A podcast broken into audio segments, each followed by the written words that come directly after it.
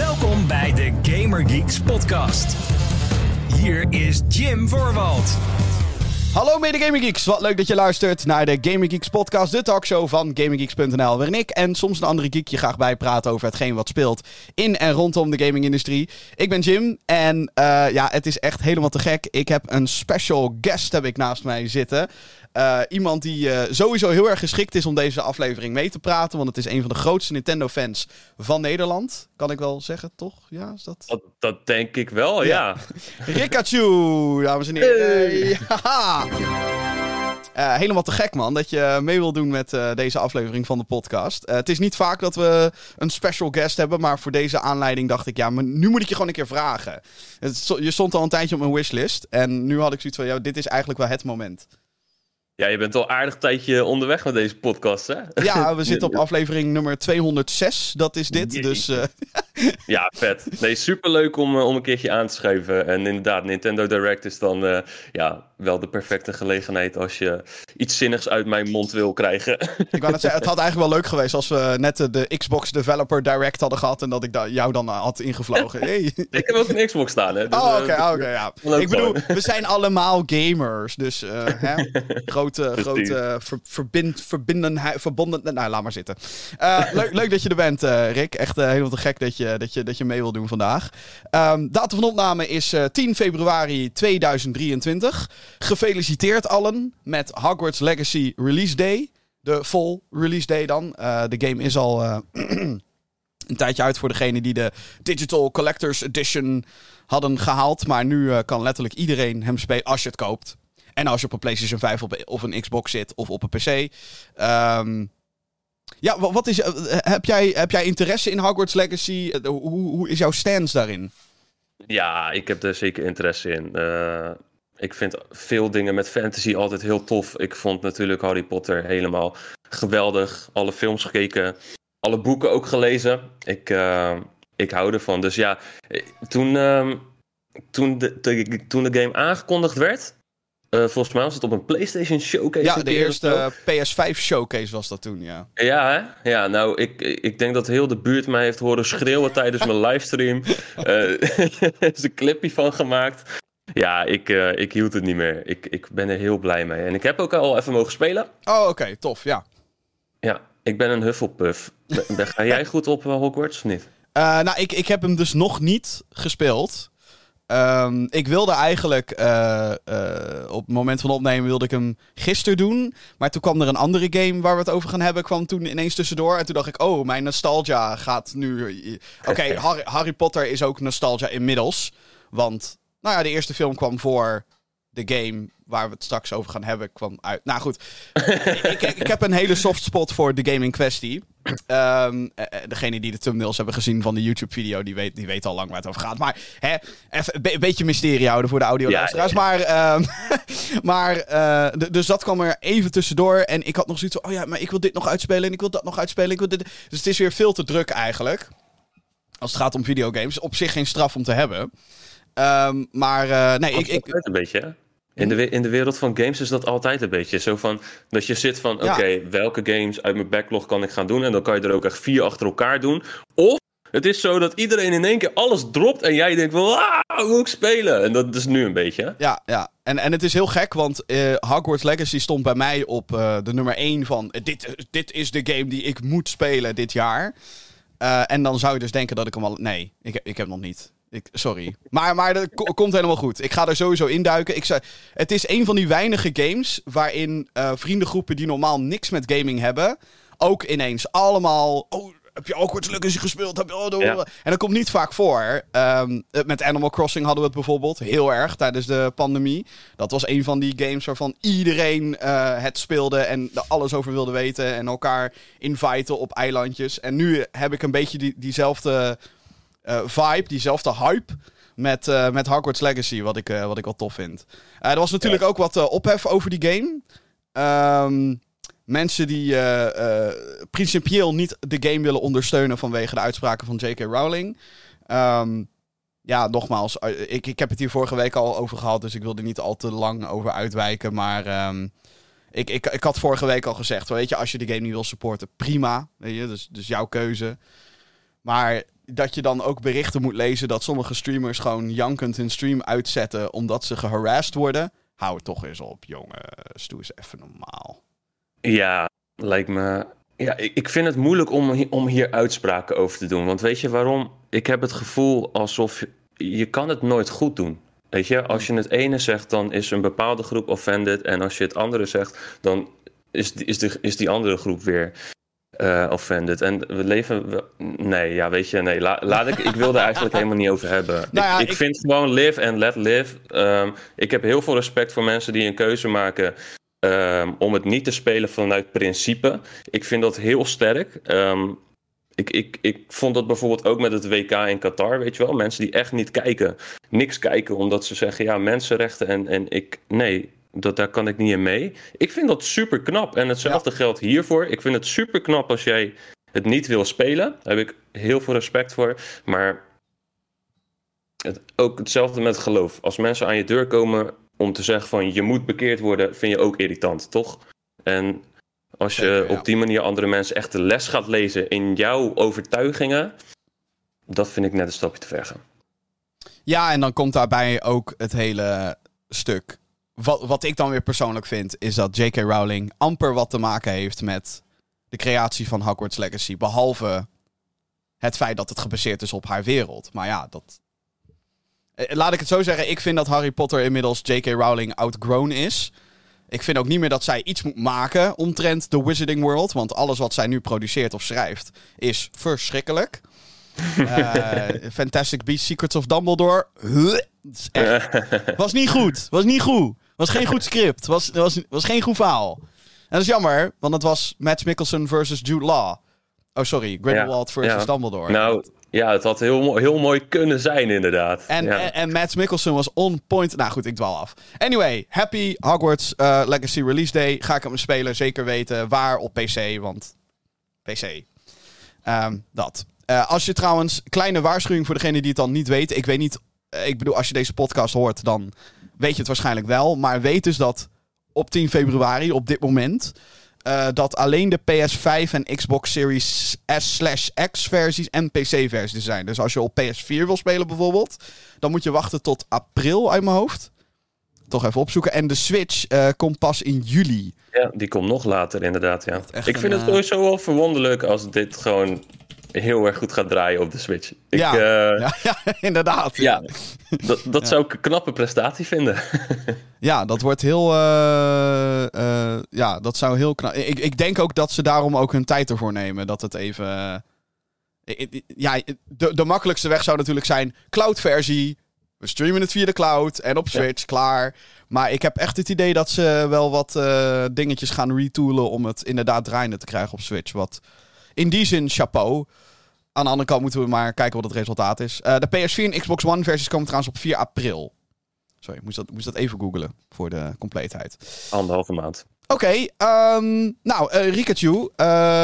ik denk dat er niet heel veel mensen zijn die mij wel kennen, maar jou niet. Maar toch even als eh, eh, in, in- introduction. Ehm, ik heb je al de grootste Nintendo-fan van Nederland genoemd. Leg even uit wat je, wat, wat je doet en waar we je ook kunnen vinden. Ja, ik ben een jaar of zeven al bezig op YouTube met het maken van Nintendo-video's. Ehm, en ik vind het vooral heel erg belangrijk dat mijn video's family-friendly zijn. Dus dat eh, ja, een ouder die eventjes naar boven moet voor de was met een gerust hart eh, haar zoon of dochter van zes jaar eh, ook gewoon die video door kan laten kijken zonder dat ze dan beneden komen en opeens allerlei scheldwoorden eh, van hun kind om hun oren krijgen. Bij deze wil ik graag Dus, mijn excuses aanbieden. Wat zeg je? Bij deze wil ik graag mijn excuses aanbieden. ja, dat is wel iets wat, wat een beetje zo gegroeid is. en wat ik gewoon ja, belangrijk vind. Ehm, dus ik weet niet of de, de, de doelgroep van deze podcast ja, matcht met hetgeen wat ik doe. Maar dat eh, mogen ze zelf bepalen. Ik heb een tijd ook gestreamd op Twitch. Maar daar ben ik eigenlijk sinds oktober mee gestopt, omdat ik ook nog uh, ja, gewoon een, baan heb naast alles. Mm, en uh, ja, om, om, om zes jaar daarmee heel erg bezig te zijn, plus gewoon een baan, is best wel pittig. En ik wilde een deel van mijn leven terug. Ik wilde andere hobby's Ja. weer kunnen gaan doen. Ja. Ehm, en het, eigenlijk voelt dat echt heel erg goed. Maar YouTube, ja, dat vind ik nog steeds hartstikke leuk om te doen. En dat blijf ik voorlopig ook wel doen. Ja, Rikachu eh, me- en Rick is dan met CK. Dus eh, belangrijk. Ja. Eh, je bent trouwens bezig met een shiny only run in, in Pokémon Violet. Waar komt dit idee vandaan en hoeveel grindwerk zit hierin?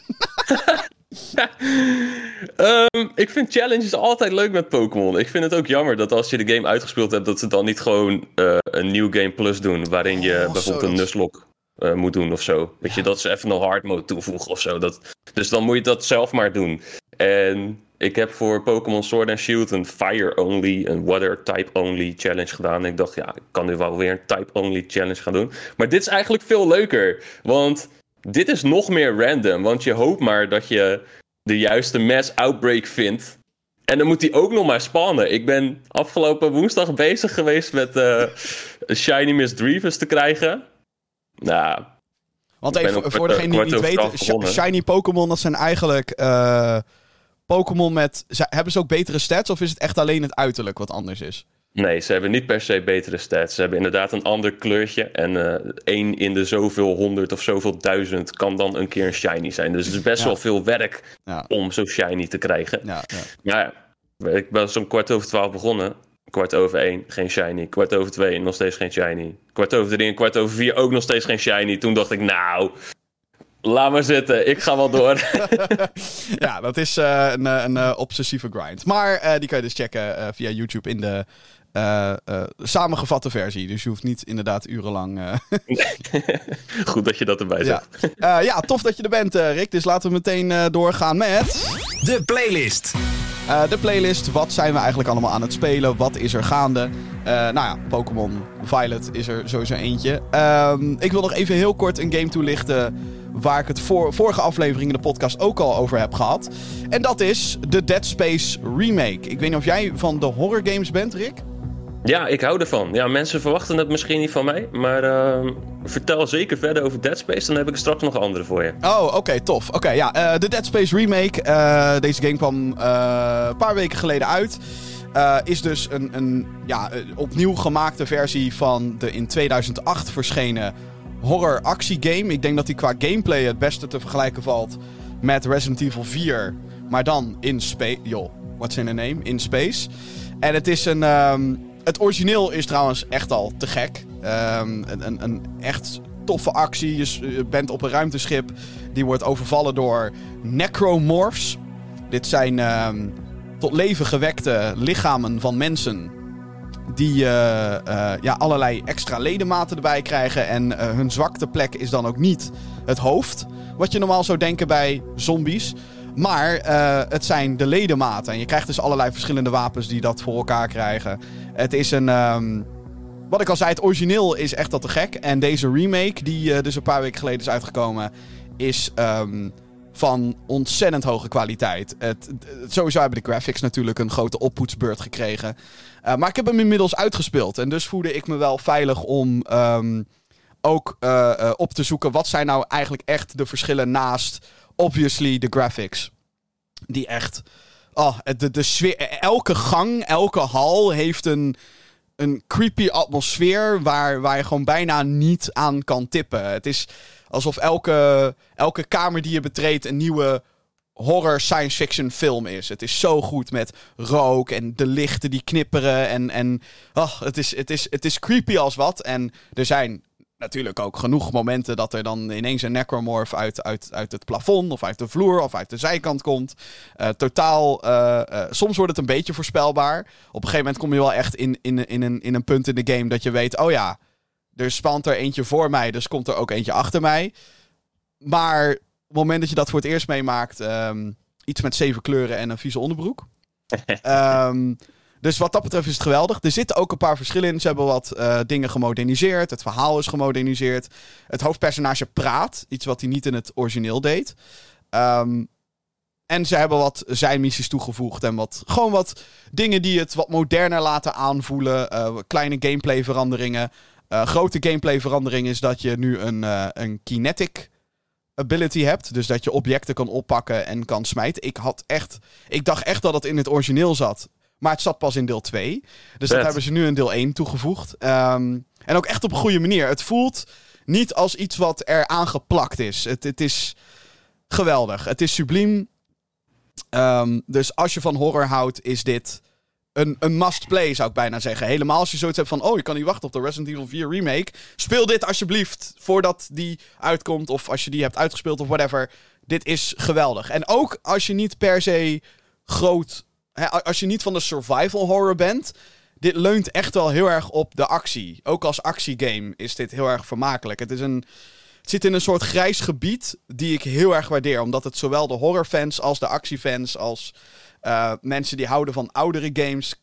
Het is een fantastische opeenstapeling van toffe dingen. En ik hoop, mag zo hopen dat ditzelfde team gaat werken aan Dead Space 2. Alhoewel ik wel heb begrepen dat de studio in ieder geval nu vol in productie gaat uh, op een Iron Man game. Uh, maar goed, ja, als ze dit kunnen produceren, dan ben ik heel benieuwd wat ze met Tony Stark gaan doen. En ik hoop dus stiekem ook op Dead Space 2. Want ja, dit is, uh, dit is te gek. Ga dit spelen. Dead Space Remake. Als je trouwens um, niet op een PS5 zit of op een Xbox Series S slash X... of je hebt geen hele sterke PC... het origineel is ook nog te spelen... en die is eigenlijk ook nog steeds de moeite waard. Maar als je een keuze hebt, dan de remake. Het klinkt wel als ook hoop voor Tony Stark inderdaad. Want ja. die Avengers game uh, van Square volgens mij... dat... Uh, die heb ik gespeeld, maar dat, ja, niet zo heel lang, zeg maar, om het netjes te houden. Nee, die game gaat ook, uh, die komt ten einde ook, hè, dit jaar. Dat is, uh, ja. Dat, ja, dat is in, uh, we hebben zo meteen een nieuwsbericht over allerlei live service games die gaan ophouden. Maar um, ja, nee, Avengers gaat ook stoppen dit jaar. Ja, nee, dat was inderdaad geen groot succes. Maar als nee. ik dan denk, een Iron Man single player game waar tijd voor wordt genomen, die niet per se uh, vastzitten aan bijvoorbeeld een, uh, een filmrelease. Want we hebben wel een paar Iron Man games gehad die toen met de films uitkwamen. Fascinerend uh, stuk geschiedenis als het gaat om gaming. Movie tie-ins. Dat is iets wat we niet veel vaak meer zien. Gelukkig maar. Want het ja, inderdaad. kwam game development niet, niet per se... Niet dat er geen goede games uit zijn gekomen trouwens. Want die zijn er wel degelijk. Maar die zijn best... Meer, uh, meer slechte ja. dan, dan goede games. Laten we het dan daarop ja. houden. Klinkt wel echt als een game die ik wil spelen, Dead Space. Ja, ik, nee, het is, die, uh, die... Volgens mij was die op de Xbox 360 toch? Die generatie, toch? Ja, klopt. PS3, ja. Xbox 360. Dus je zou, als je een Xbox One of Series S slash X hebt... en je hebt zoiets van, nou, 60 euro aan Dead Space, dat vind ik nu te veel. Dan kan je de oude ook gewoon uh, via backwards compatibility doen. Of je dat nog moet willen. Het is inderdaad wel een mooie optie. En soms heb je van die, van die titels, die zitten altijd in je achterhoofd, maar die heb je gewoon gemist. Die, heb je, die heb je willen spelen, maar heb je nooit gespeeld. En Dead Space is er bij mij één van. En inderdaad, toen ik hoorde dat er een, een remake kan, toen dacht ik wel van, oh, nice. Dan wacht ik daar wel even op. Ja, ik was in het begin heel sceptisch, omdat je, uh, het was wel duidelijk dat ze heel veel gingen overnemen van het origineel. En dat hebben ze ook gedaan, ten goede. Um, ik had eigenlijk niet verwacht, uh, toen ik die video's ging kijken op YouTube, waarin de daadwerkelijke vergelijkingen worden gemaakt, toen was ik echt verbaasd over hoeveel ze eigenlijk hebben toegevoegd uh, en hebben veranderd. Um, soms ten goede, je zou discussies kunnen voeren over of het verhaal wel of niet beter is, maar de, de rode lijn, zeg maar, is nog steeds hetzelfde, het, het algehele. Dus wat dat betreft, uh, ja, nee, dikke aanrader dit. Is echt, uh, echt fantastisch. Dus uh, Dead Space Remake, inmiddels uitgespeeld dus. Ga nu door de New Game Plus heen. Um, als ik dit op PlayStation zou spelen, zou ik misschien gaan voor een Platinum Trophy. Maar ik speel op Steam en daar, op de een of andere manier, ik daar niet om de achievements. Dus, whatever. Ik speel het omdat het leuk is. Dus um, ga, dat, ga dat checken. Dead Space Remake. No Spawn. Was dat maar zo. Ik heb dus net een Platinum Trophy gehaald voor eigenlijk een soort van Dead Space Light. Uh, oh. Denk ik dan. Is Callisto die... Protocol. Oh ja, ja dat, dat, dat is ook een vergelijking die veel gemaakt wordt, ja. Uh, wat, wat vind je daarvan? Want ik hoor daar echt hele gemengde dingen over. Sommigen zeggen, oh ja, nee, dat is prima voor wat het is. En anderen vinden het echt verschrikkelijk. Maar ik... het, is, het is absoluut niet verschrikkelijk. Ik snap niet waarom mensen dit verschrikkelijk noemen. Het is, dan is dat weer een beetje zo. Dat, ik denk, we komen straks bij de Nintendo Direct, maar dat mensen hun hopes up hebben en ah, superveel verwachten. En ja, ja, dan valt het meestal tegen. Ja, klopt. Maar ik, ik ga mee in de mensen die zeggen van het is prima. Ik zou hem ook gewoon een, een, een goede 7 geven, die game. Oh ja, ja. ja, ja. Ehm, het, het is een beetje. Uh, oh ja, we zien ook beelden erbij ook. Ik, ik, denk dat het wel te vergelijken is. Want als ik de, uh, zie hoe de movement is en zo in Dead Space net, dan is dit eigenlijk best wel hetzelfde. Met als grote verschil dat je ook heel erg uh, moet gaan moet hakken, eigenlijk. Dus je, je krijgt gewoon een, een range en daarna dan krijg je nog wat anders. En dan moet je gewoon heel veel slaan. Kan ook schieten. combinatie daarvan is natuurlijk het meest sterk. Je kan inderdaad wapens craften, waardoor je steeds uh, betere wapentjes krijgt. Ik heb eigenlijk maar drie gebruikt volgens mij in heel de game. Want de sterkste die krijg je al vrij snel. Dus toen, de, ik had ook gelezen op internet dat je dan een tip hebt om vooral geen nieuwe wapens te maken. Want dan droppen de enemies uh, die ammo, terwijl je dat eigenlijk niet wil. Want je Oh, wil ja, gewoon ja, ja. de shotgun gebruiken, zeg maar. Want die is het beste. En het hangt inderdaad ook een beetje tussen, tussen horror en, eh, en action in. Ik denk dat hij wel meer neigt naar de horror kant. Zonder echt eng te worden. Ik, ik ben niet echt geschrokken, ik vond het niet echt eng. Maar ik vond het wel eh, ja, heel fijn om, uh, om te spelen. En het, hij duurde ook niet zo lang. Ja, ja, ja. Ik had de Platinum volgens mij in, in 10 uur behaald. En nee, 12 uur. En toen ook al de New Game Plus heel snel er doorheen gejaagd. Oh ja, Dus, oh, eh, ja. Misschien dat mensen daardoor ook teleurgesteld zijn. Dat snap ik overigens wel. Als je 80 euro betaalt voor een game die in 6 uur uit te spelen is. Als je geen trophy hunter bent. Dan is dat best veel geld. Ja, ik bedoel, ik ben niet iemand die, die graag zegt... oh, zoveel uur is zoveel, is zoveel waard... als het gaat om, het prijska om de prijskaart van een game. Eh, bijvoorbeeld Dead Space is mm, 12, 14 uur... als je er voor het eerst eh, doorheen gaat. En dan ben ik iemand die het origineel al had gespeeld. Dus, en, en, maar ik ben ook weer zo'n zo'n iemand die zoiets heeft... oh, een zijnmissie... Ja, dagverhaal. Ik ga naar de zijnmissie. Ik wil kijken wat voor upgrades ik kan vinden. Hahaha. Ehm, eh, en dan heb je inderdaad nog New Game Plus en zo. Maar ik zeg bij Dead Space, of eh, een ander voorbeeld die ik altijd graag erbij wil pakken. Ehm, al- als je zeg maar mijn geheugen kon wissen en Bioshock opnieuw zou laten ervaren, zou ik daar 60 euro voor over hebben? Ja. Want Bioshock is ook 12 uur, maar te gek. Met 6 uur denk ik, 5, 6 uur denk ik inderdaad wel, oei, dit is, dit, oeh, dat is wel echt te kort voor een Ja. full-priced game. Ehm, ik heb hem zelf niet gespeeld overigens. Het is, eh, het is ook zo'n game. eh, te veel kwam er in één keer op af. En toen dacht ik, ah ja, maar High on Life is er ook. En dit is er ook nog. En ik heb een backlog van hier tot aan Tokyo. Help. En oh, de Dead Space remake komt er ook aan. Dat, nou ja, goed. ja al die, al die chaos. Ehm, maar het is er nog wel eentje die ik... eh, dit lijkt me echt zo'n eh, zo'n zo'n sale game. Dat als er een Steam Ja. sale is, dat dat, dit, dat dat dan het moment is om de Callisto Protocol op te pakken. Absoluut, want de game, is, de game aan zich is een aanrader. Hij is alleen te kort voor het geld wat je er aan- nu op dit moment aan uitgeeft. ja, ja, ja. Nou, ja, eh, goed, eh, fijn, fijn om te horen inderdaad dat dat eh, een, een aanrader is. Lijkt me ook lekker tussendoor. Zo'n lekker, die lengte ook. Oh, we doen het even tussendoor. Gewoon Ja, even, even Callisto precies. Protocol. Ja, ja. Ik ben benieuwd hoe dat gaat zijn. Want Callisto Protocol werd gemaakt door veel mensen die dus het originele Dead Space ooit hadden gemaakt. En daar kwam dan natuurlijk... Zo werd het ook gemarket, hè. Een beetje als oh, de spirituele opvolger. En toen kwam je met... Haha, wij maken een remake. Oh, sh- sh- shit. Als je, maar als je hem zo, zo in de markt zet, dan snap ik de hoge verwachtingen van Ja. mensen. Ja. Eh, en als het dan een klein beetje tegenvalt, dan is het gelijk helemaal crap volgens de mensen. Weet je wel, dan krijg je die negatieve beoordelingen. Mhm, ja. Heb jij, eh, heb jij wel eens van Vampire Survivors gehoord? Nee, vertel. Oh, oké. Ehm, dit is een game die ik, eh, ik... Ik had er wel eens wat over gehoord. Over dat het super gaaf is. En dat het een hele laagdrempelige game is. Maar oh zo ontzettend goed. En ehm, ik zag hem op Game Pass staan. De game zelf kost 4 euro. Dus waar hebben we het over? Maar alsnog. eh, ik zag hem op Game Pass staan. En ik, en ik, en ik eh, dacht van de week... Ah, weet je wat? Laat ik dat eens proberen. En wat ik vond was een van de meest verslavende dingen totaal niet handig qua timing. Maar een van de meest verslavende dingen die je, die je kan spelen. Eh, Vampire Survivors is, wat ik zei, een hele eh, laagdrempelige game. Je speelt eigenlijk in een groot 2D-vlak. Speelt als een sprite. Dus een 2D-character. En het enige wat je eigenlijk doet, is rondbewegen. Alle aanvallen die je doet, worden automatisch gedaan door de game. En ondertussen komen er allemaal vijanden op je af.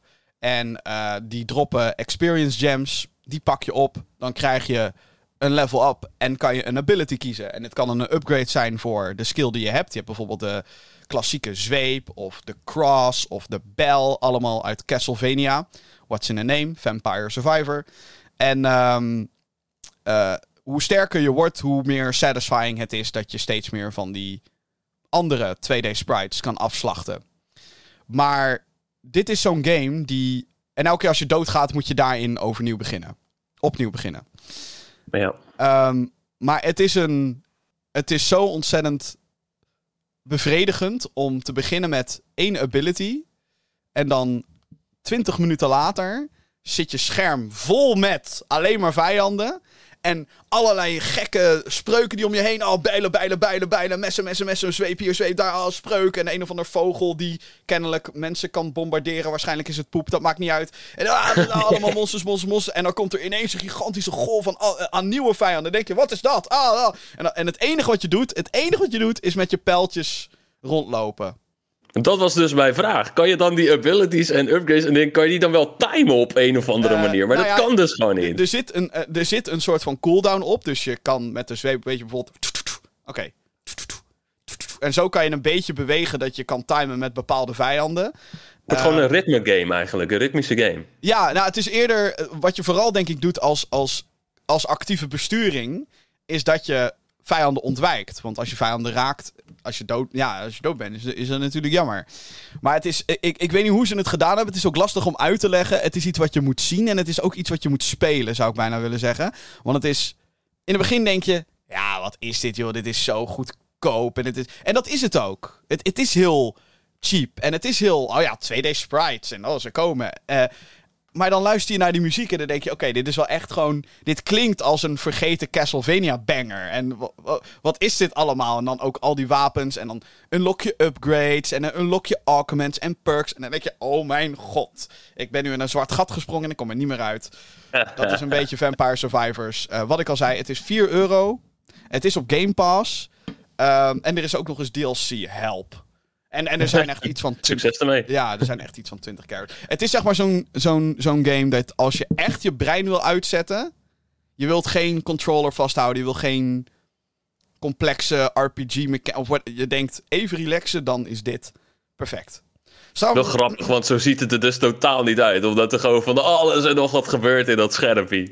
Ja, om, het is ook... Op een gegeven moment raak je dus overpowered in een, in een als je het een beetje goed aanpakt en je kiest de juiste upgrades. En uh, sommige vijanden kunnen ook schatkisten droppen en die hebben ook weer upgrades. Uh, dus dan het is een soort van power fantasy die binnen 20 minuten compleet kan escaleren tot volledige chaos. En dat is prachtig. Dus ik zou zeggen, ga het proberen. Het is trouwens verbazingwekkend dat dit alleen op Xbox en PC is, geloof ik. En mobile. Maar niet op Switch. Ja, het ziet er wel uit als een typische Switch game. Ja, dit zou maar, maar dat is een beetje mijn probleem met, met twee, wat jij zegt, 2D en sprites. Als ik, dat, als ik dat dan zo samen zie, dan denk ik altijd van... Dat heb ik al honderd keer gezien. En dan, ik denk niet eens meer bij na van, wil ik dit spelen? Het is gewoon, nee, ik hoef het nu te spelen. Als ik dat zie in een Nintendo Direct of zo, weet je wel. Ja, uh, het is zeg maar... Ik denk dat Vampire Survivors het beste uh, als, als Assassin's Creed Valhalla of grote AAA open world games als dat um, zeg maar een, een drie sterren restaurant is, dan is dit een goede burgertent. Gewoon, je gaat erheen.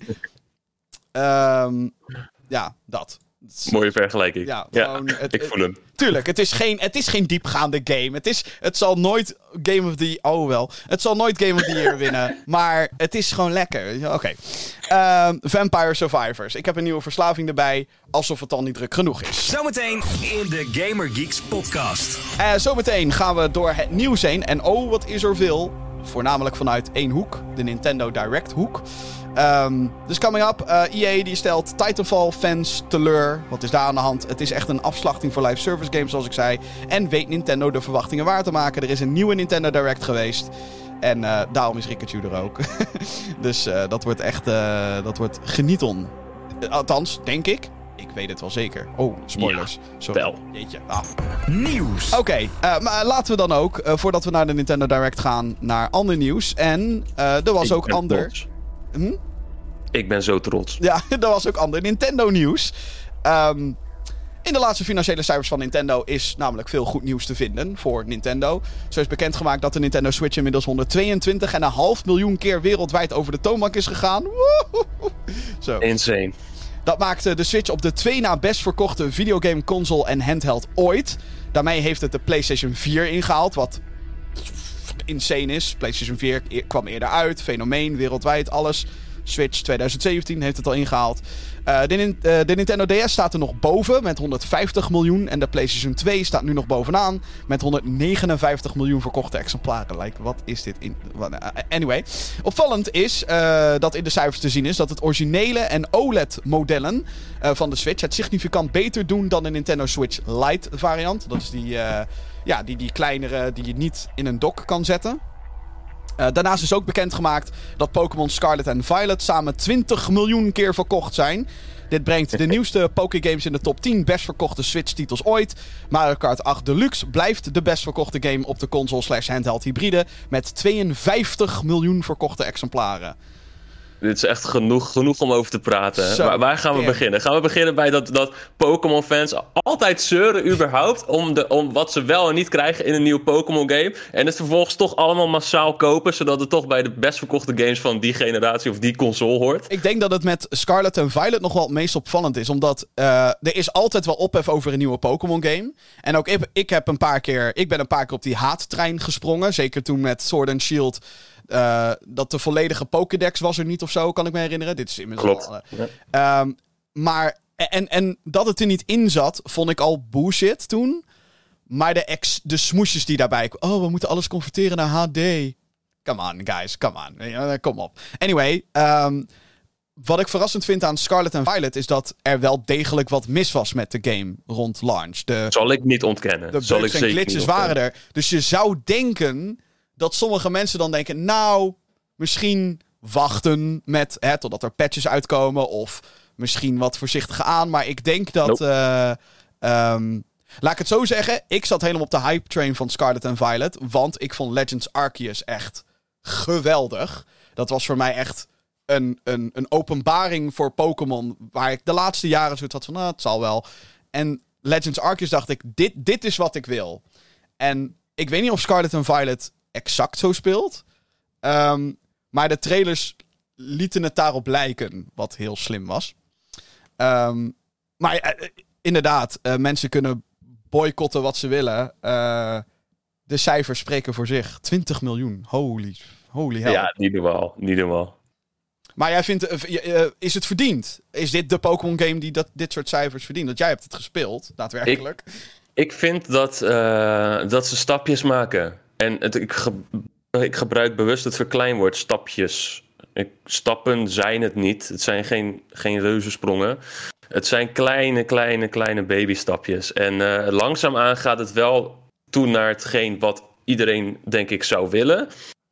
Ehm, maar het, het, het is vaak zo zonde. Je denkt bij een, bij een nieuw Pokémon game, denk je vaak van... Oh, dit is super... eh, eh, En dan begin je te stumbelen. Want Ja. dan zie je iets van... Oh, dit is, dit is technisch toch niet helemaal wat het zou moeten zijn. Of, nou ja, whatever je kan verzinnen. Ik vind dat ze op de goede weg zijn met Pokémon games. Maar de ultieme Pokémon game, die is Pokémon Scarlet en Violet niet geworden. Oké, dat ja, ja, is de ja, ja. conclusie. Ja. Ja, ja ik, eh, ik heb hem geïnstalleerd. Dit is een van mijn backlog games. Oh jee. Ik, eh, staat op mijn Switch. Gespeeld? Nee. nee. Ah, het is wel echt leuk hoor. Ja, ja, ja. Ehm, ik vond bij Pokémon Legends Arceus, die, die vond ik bij tijden ook nog best wel uitdagend of zo. Mhm. Dan moest je opeens in je eentje moest je tegen, eh, eh, tegen twee of drie Pokémon vechten. Like, super oneerlijk, maar ja, het was wel leuk of zo dat je toch een beetje moeite een keer had. Eh, dat heb je in Scarlet en Violet niet. Het is Nee, wel weer van, nou, experience share, je Pokémon worden sterker en het kost eigenlijk niet heel veel moeite om die game uit te spelen. Ja, wat ik, wat ik heel eh, gaaf vond aan eh, Legends Arceus... ehm, was voor mij het, het idee dat je echt in die wereld rondliep... en dan, oh, sh- dit is een, een big-ass, shiny, weet ik veel, Rhyhorn. Of, of zo'n Onyx die dan echt gewoon je hele scherm Ja. vult. Dat je denkt, ja, dit, dit, zo hoort het. Dit is wat Ja. wij met z'n allen ook kennen uit de anime natuurlijk van Pokémon. Dat Onyx gewoon de hele gym van Brock eh, bezetten, als het ware, omdat hoe groot hij is. En dan denk je, oh, vet! En dan probeer je er langs te sneaken en dan ziet hij en dan denk je, oh nee. En dan is die Pokémon... Nou ja, goed. Ik vind Legends Arceus heel tof, is wat ik probeer te zeggen. Eh, die is trouwens ook heel goed verkocht. Ehm, ja, eh, eh, wat ik ook een opvallend cijfer vind, is Mario Kart 8. 52 miljoen, dat betekent dat bijna...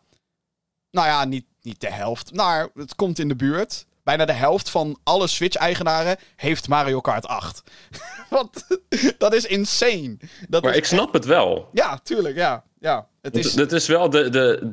Ja, Mario is de figuur eh, die natuurlijk Nintendo carried. Of tenminste, ja, dat is het meest bekende figuur. Dus mensen willen sowieso iets van Mario als ze een Nintendo Switch kopen. Ook als, als je nieuwe, nieuwe gamers krijgt, die willen iets van Mario. Want daarom koop je een Nintendo Switch. En dan denk je van, nou, maar ik wil het liefst ook iets wat ik samen kan spelen met mijn broertje of zusje. Of met mijn, met mijn vader of moeder. Of als er vriendjes langskomen.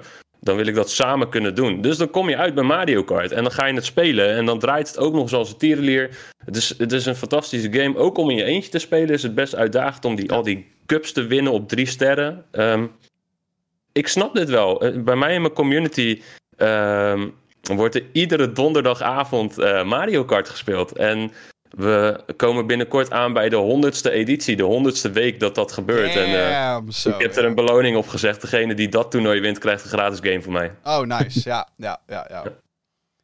Ja, dat is... eh, ik, en wat ik, wat, wat ik er zo grappig aan vind... En natuurlijk dik vet cashje voor Nintendo ook.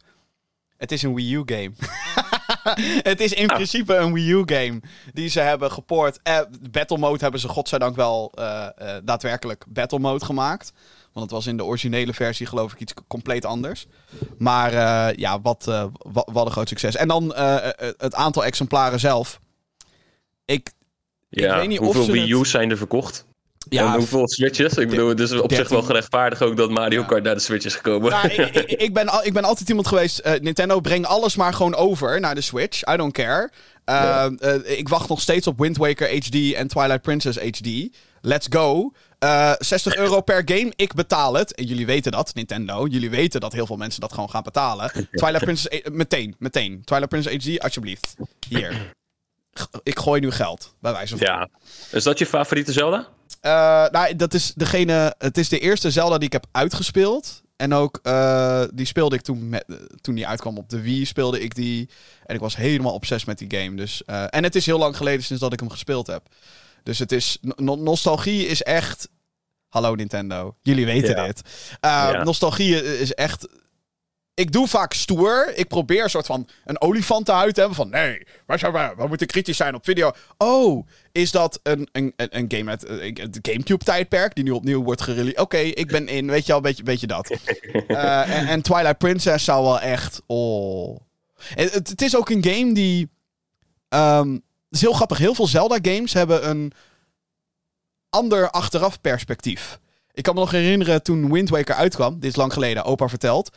Was iedereen. Oh, Nintendo doet kiddie. Wauw, dit zuigt. Wauw, dat, dat cartoony artstijl. Wat, wat, wat stom. En nu, 20 jaar later. Oh, er is geen mooiere Zelda-game dan Wind Waker.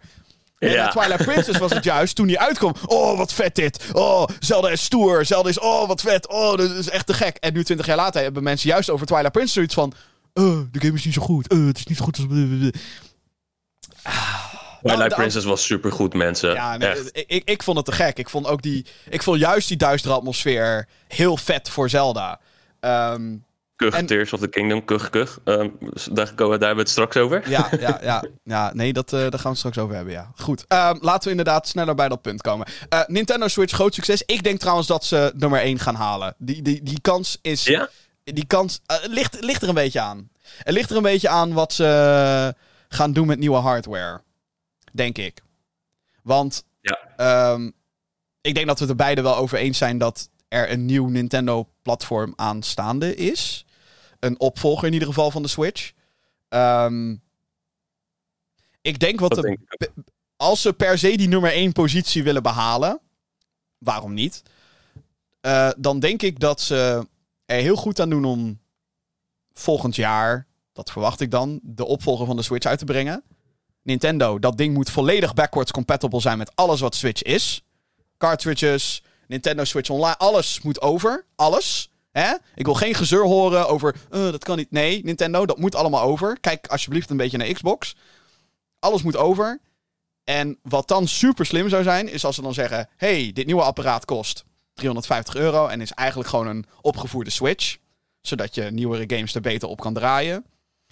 En de oude Switch, althans de Switch die we nu nog hebben, die gaan we in prijs verlagen. En dan ga je echt dikke verkoopcijfers zien. Want dit, dat hebben ze nog nooit gedaan. Een prijsverlaging van, ja, misschien met een 30 euro of zo, maar nooit significant. Nooit, oh, de Switch is nu 200 in plaats van 300 euro. De Switch Lite kan je zien als een prijsverlaging, maar is een ander, andere versie van het apparaat. Dus stelt ook weer niet helemaal. Um, en ik denk op het moment dat ze dat gaan doen, dat nog meer mensen overstag gaan. Of dat er een tweede Switch in huis komt. Omdat je dan denkt, oh, nou, hè, voor 150 euro neem ik wel een Switch Lite voor onderweg. En dan hou ik die andere gedokt. Ja, ik denk dat, dat dat ook een reden is waarom, uh, waarom die zoveel verkocht is. Ik denk dat echt veel mensen, veel gezinnen, meerdere Switches in huis hebben. Ja. ja het is nog 30, 30 miljoen te gaan ongeveer. Ja, nog uh, eh, 37 miljoen te gaan. Je kan het, Nintendo. Oh.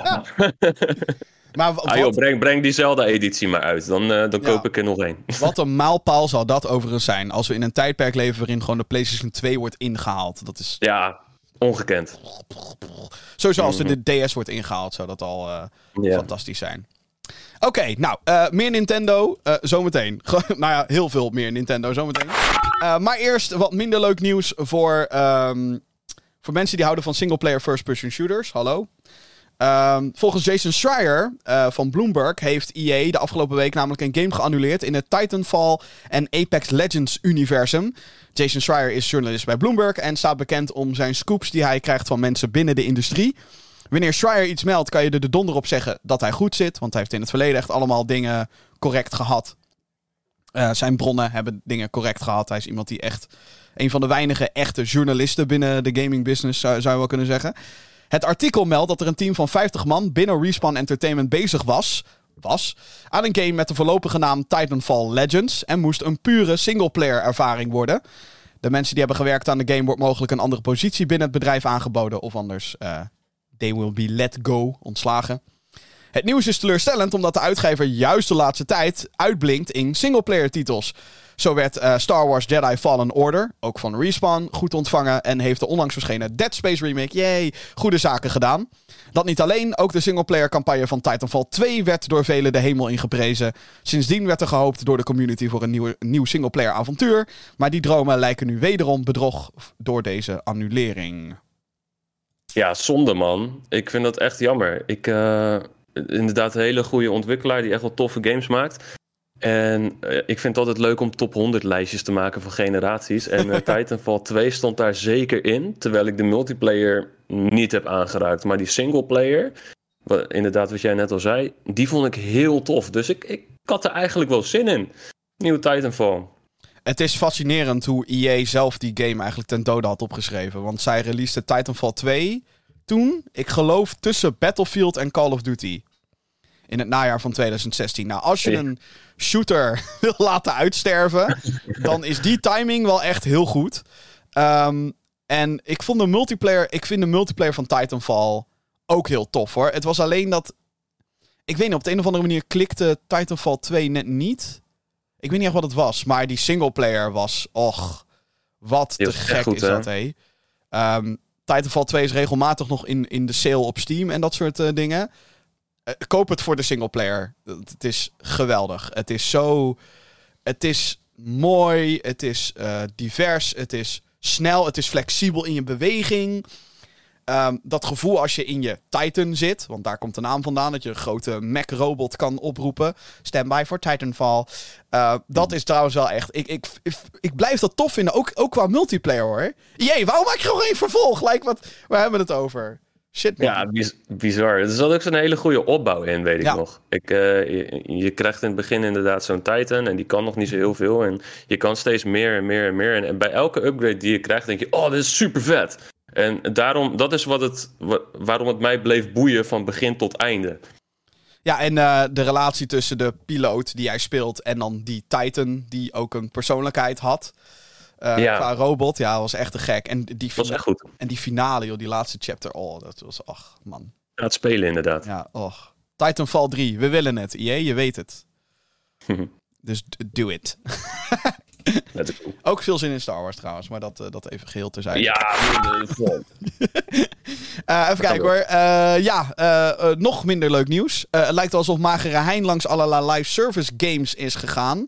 Want de afgelopen week is de sluiting van heel wat titels aangekondigd. Allereerst sluit Rumbleverse aan het eind van deze maand. nog nooit van gehoord. Nee, dat kan. Uh, dit is een Battle Royale game met uh, worstel- en fighting elementen in plaats van geweren. De game werd uitgegeven door Epic, maar leek niet de Fortnite magie met zich mee te nemen. Uh, mocht je je geld in Rumbleverse gestoken hebben voor cosmetics of battle passes, dan kan je je geld wel terugvragen, wat wel heel sympathiek is, vind ik. Knockout City dan. Oh, wat zonde dit. die gaat op 6 juni dicht. Dit is een PvP trefbal game die in eerste instantie werd uitgegeven door EA. Maar na slechts een jaar werd de samenwerking stopgezet. Vermoedelijk omdat EA er geen hel meer in zag. Valen Studios, de ontwikkelaar, besloot daarna nog op zichzelf door te gaan.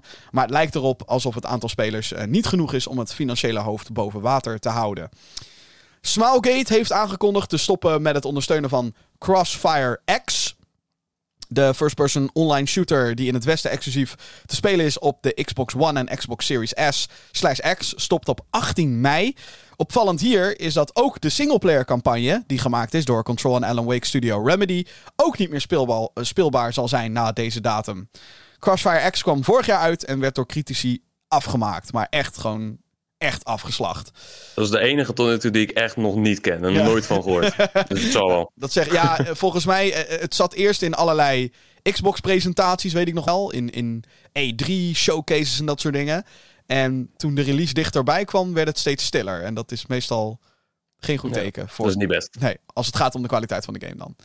Um, Echo VR is een multiplayer shooter die voornamelijk populair was op de MetaQuest 2. En ook deze gaat offline op 1 augustus.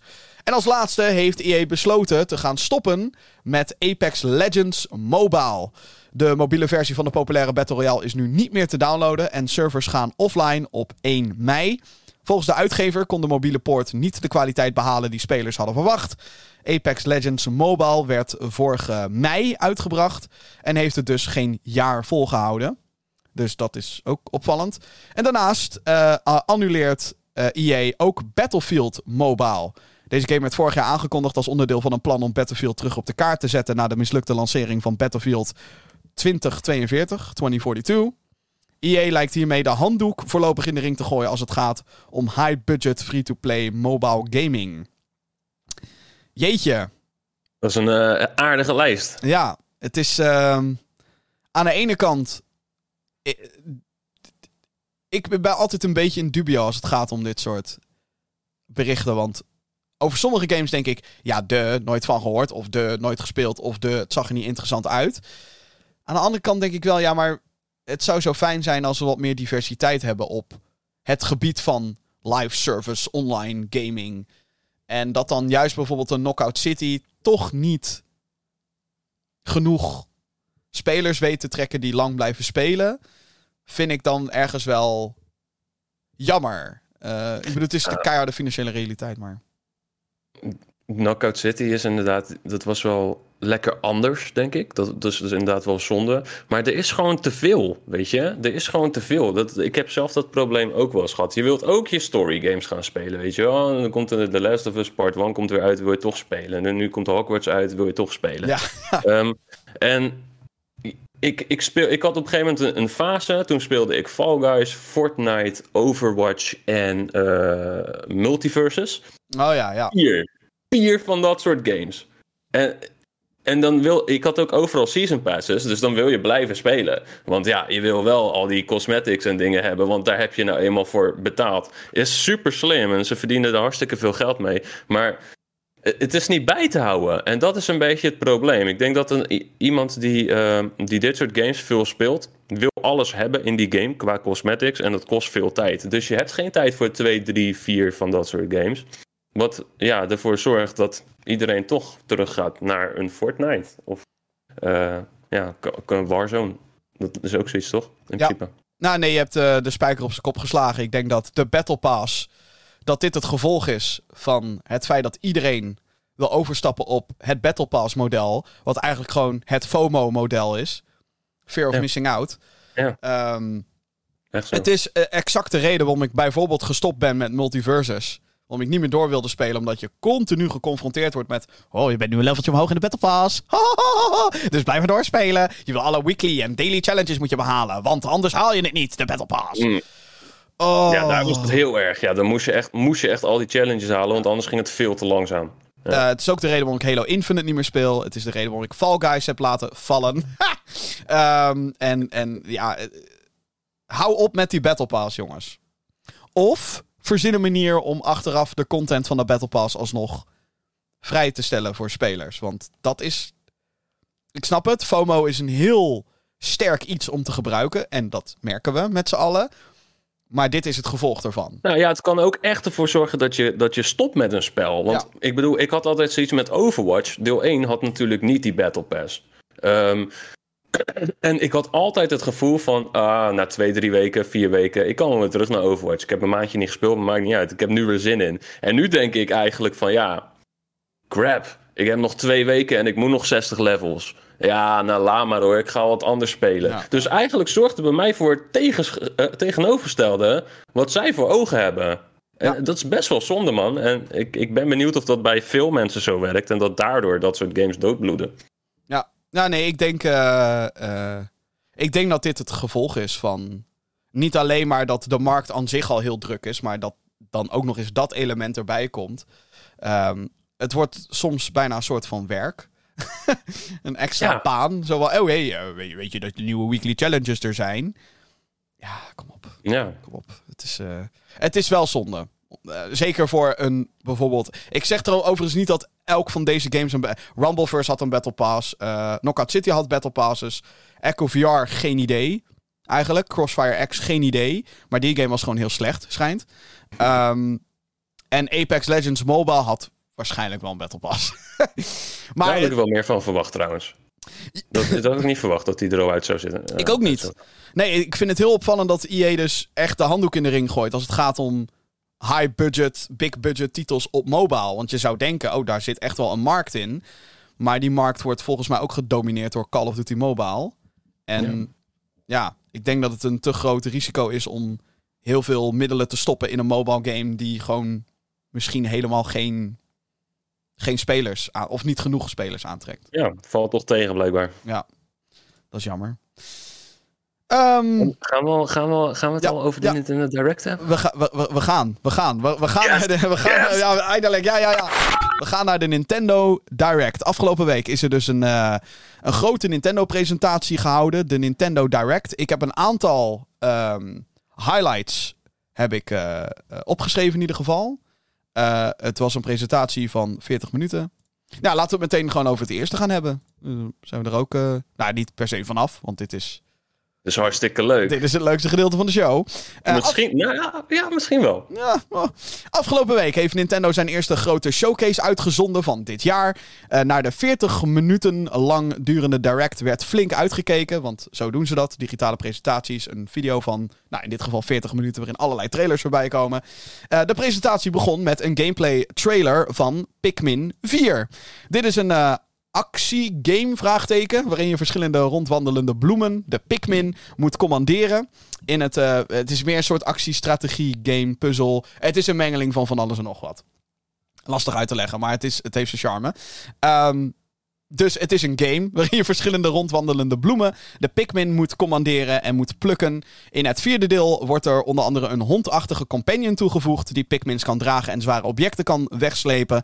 Een release datum werd ook meteen bekendgemaakt. Op 27 juli verschijnt Pikmin 4 op de Nintendo Switch. Overigens, alle nieuwsberichten vanaf nu gaan over Switch games. Maar dat lijkt me redelijk logisch, want alles gaat over een Nin- Nintendo Direct, dus Nintendo Switch. Ik heb hier heel veel zin in, in Pikmin 4. Ja, jij, ja jij bent Pikmin-fan, mooi. Want ik heb, ik heb echt helemaal niks met Pikmin. ik, vind het, ik vind het superleuk. Dit is dus mijn game waarbij je zoiets hebt van... Nou, je hoeft hier niet heel veel over na te denken. Oh, Ehm, oké. Ja. Je, je, lo- je loopt inderdaad met, eh, met gekleurde wezentjes rond. En ieder gekleurd wezentje die je uit de grond trekt, dit is inderdaad een rode. ehm, die hebben hun eigen krachten en vaardigheden wat ze kunnen. Dus dat is het denkwerk wat je een beetje moet doen. Welke Pikmin kan ik het best gebruiken op welke plek? Maar de game is vrij logisch. Het is, Nou niet, ja, het ja. is geen hogere wiskunde. Eh, nu gaan ze ook een nieuwe, nieuw soort Pikmin toevoegen. Eh, dat is een, een lichtblauwe Pikmin. We zien hier een beetje de donkerblauwe. Je krijgt straks ook een lichtblauwe te zien. En dat is een ijspikmin. Eh en daarmee kun je dus onder andere water bevriezen, zag ik al. Waardoor je ja, makkelijker naar andere gebieden kan. Hier is die inderdaad. Ja, superleuk. Ik heb, ik heb eh, volgens mij alle Pikmin games uitgespeeld. Ehm, ook de, de, de Nintendo Switch versie van Pikmin 3 weer opgepakt. Ja, ik vind het heerlijk, man. Ik hou van dit soort kiddie... Ja, ze zien er allemaal kiddie-achtig uit, maar het valt eigenlijk wel mee qua gameplay. Eh, en dat is een beetje het snijvlak wat ik altijd heel tof vind bij Nintendo. Nou ja, ja. En, en Pikmin gaat mij zeker weer vasthouden. Ik was wel een beetje bang voor deze hond. Heel leuk dat er een hondje bij zit. Ja, bang als in Nintendo doet de laatste tijd ook vaak dingen om zijn games makkelijker te maken. Zodat het Ah, ja. toegankelijker wordt voor, voor Jan en alle man en ook de jongste spelers. En ik dacht een beetje van, oh, ik hoop niet dat deze hond ervoor gaat zorgen dat ik niet zoveel Pikmin nodig heb of niet meer na hoef te denken over welke Pikmin ik ga gebruiken. Want ik zag hem dus ook al door het water heen gaan. Wat er dus voor zorgt dat je dat water niet hoeft te bevriezen, want je hebt je hond bij je. ja dus precies. eh, ik hoop dat het een optioneel ding wordt als het de moeilijkheidsgraad gaat verlagen. Ja, ik denk dat Nintendo.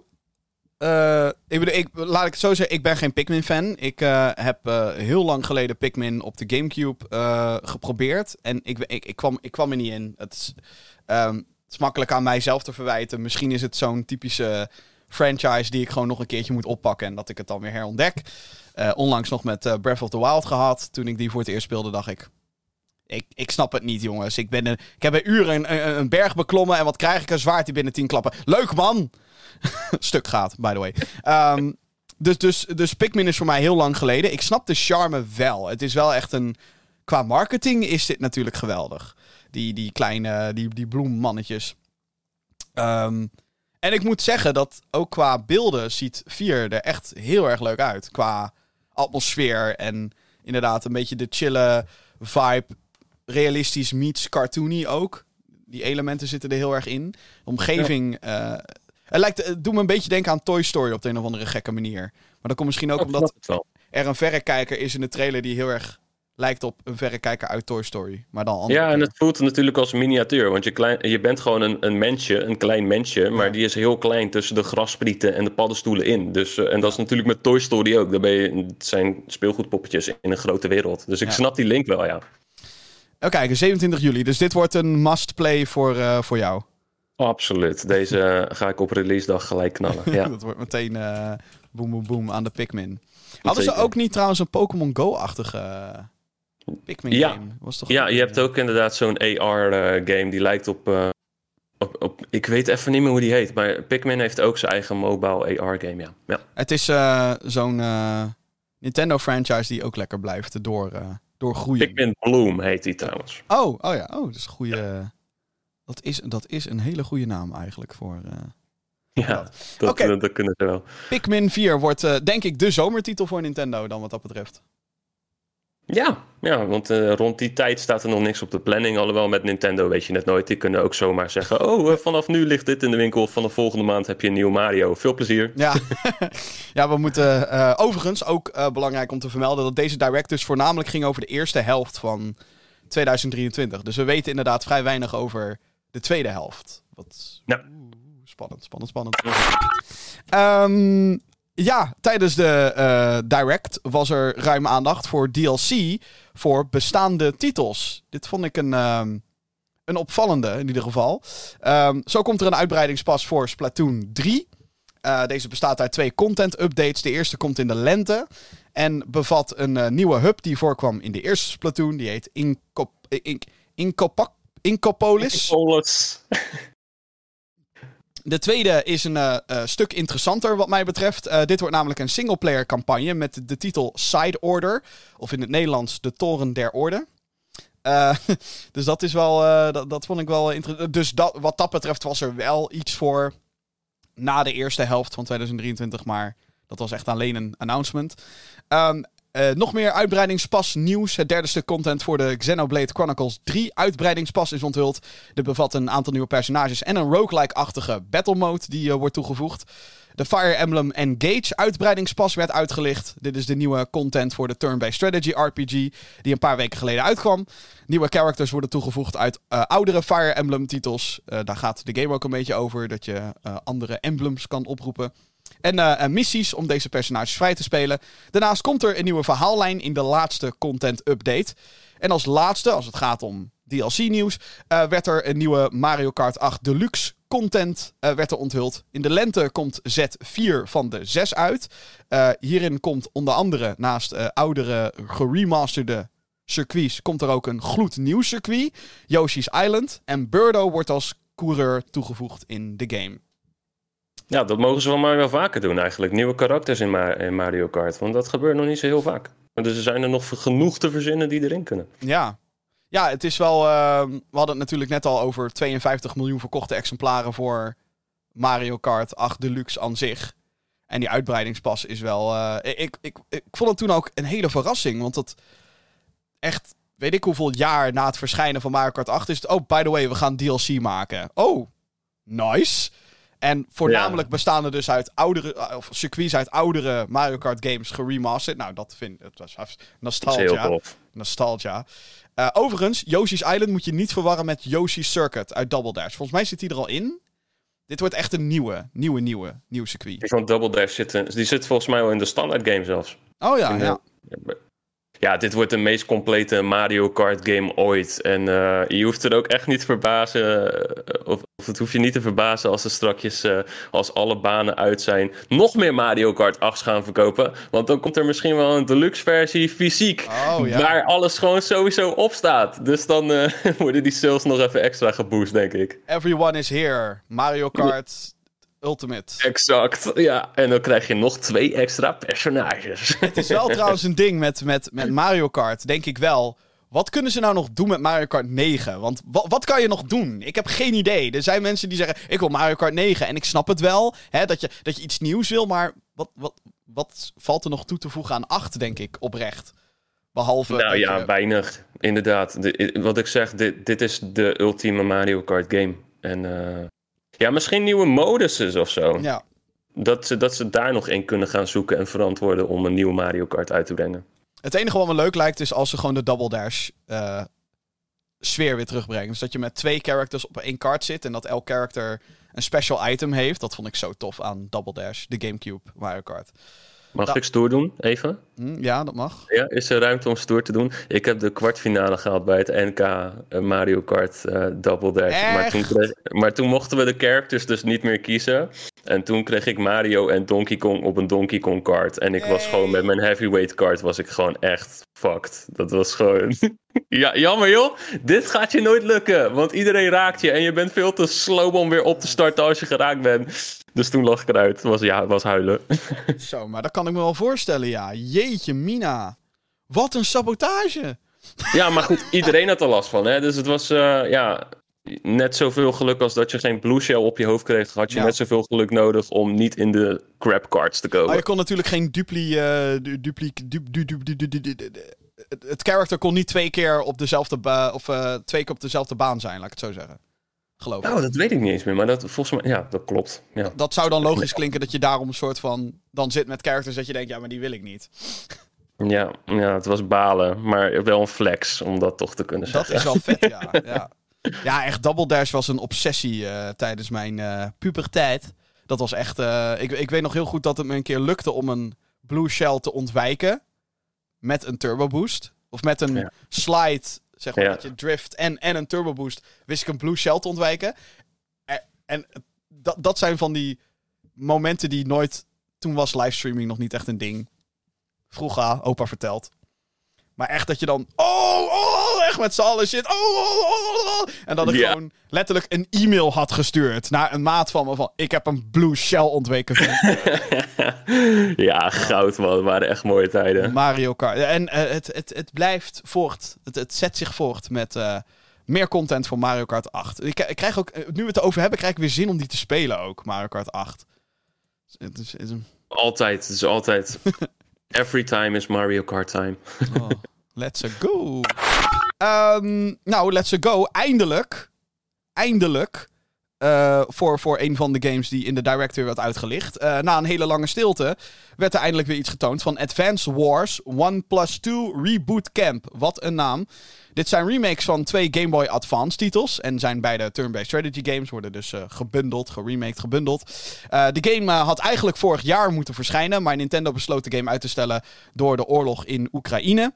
Nu is er dan eindelijk een datum. 21 april verschijnt de game op Nintendo Switch. Advance Wars 1 plus 2 Reboot Camp.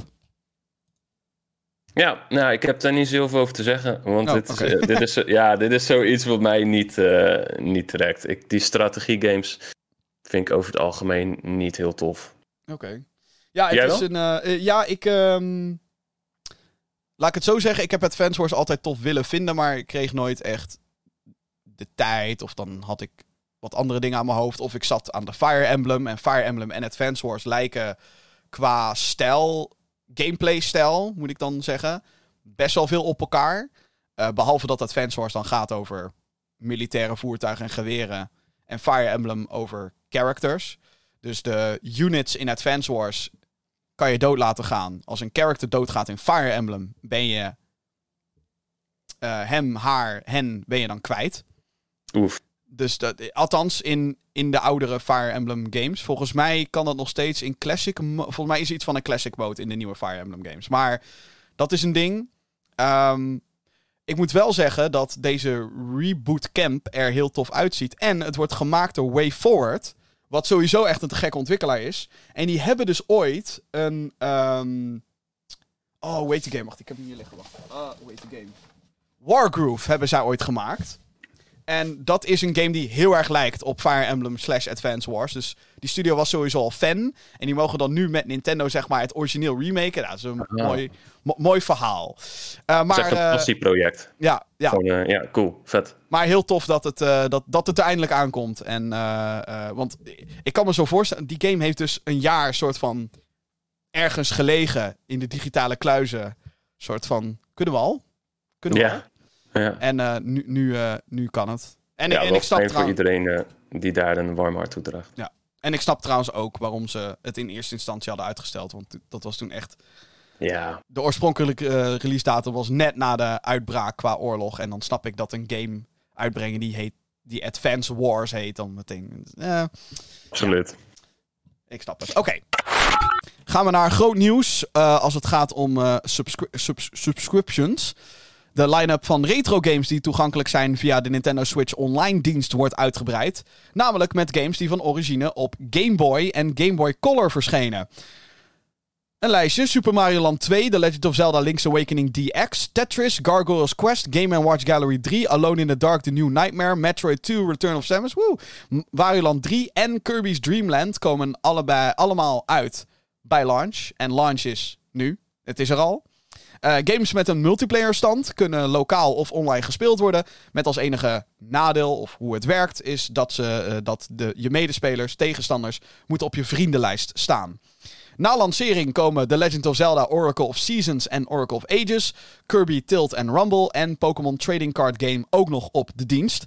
Maar dat is nog niet alles, want er komen ook Game Boy Advance titels aan. Super Mario Advance 4, Super Mario Bros. 3. Is dat een echte titel? Ja, dat is een echte titel. WarioWare Inc., Kuru Kuru Kururin, Mario Kart Super Circuit, Mario en Luigi Superstar Saga en The Legend of Zelda The Minish Cap komen uit bij een lancering. Lees nu. Later komen Metroid Fusion, Kirby eh, and the Amazing Mirror, Fire Emblem, oh, zo goed is die, F-Zero Maximum Velocity en Golden Sun er nog aan. Voor Game Boy Advance zit er één addertje onder het gras. Hiervoor moet je je aansluiten bij de Nintendo Switch Online Plus Expansion Pass uitbreidingspas abonnementsdienst. Deze dienst kost 40 euro. De normale eh, versie van de dienst kost 20, dus het dubbele.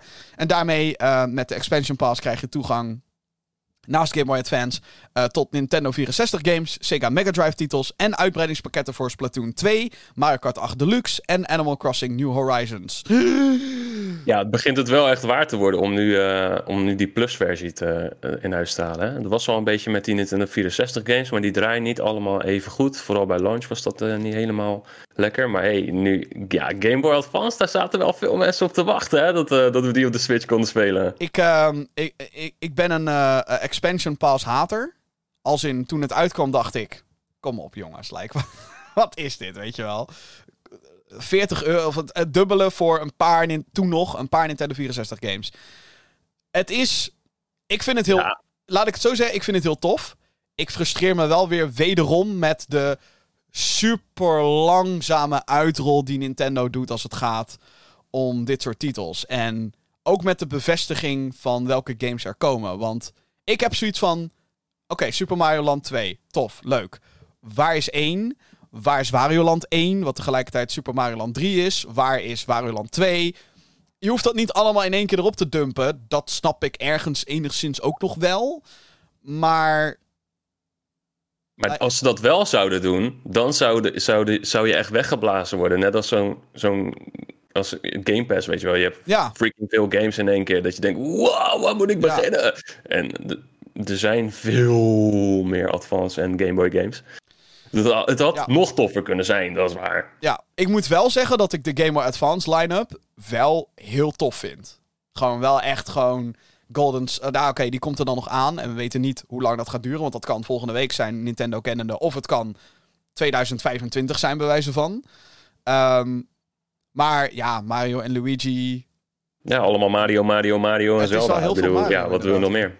Maar het is wel echt te gek. En het is, eh, ik heb er wel een beetje mee zitten klooien. Althans, met de, de originele Game Boy games, Game Boy Color.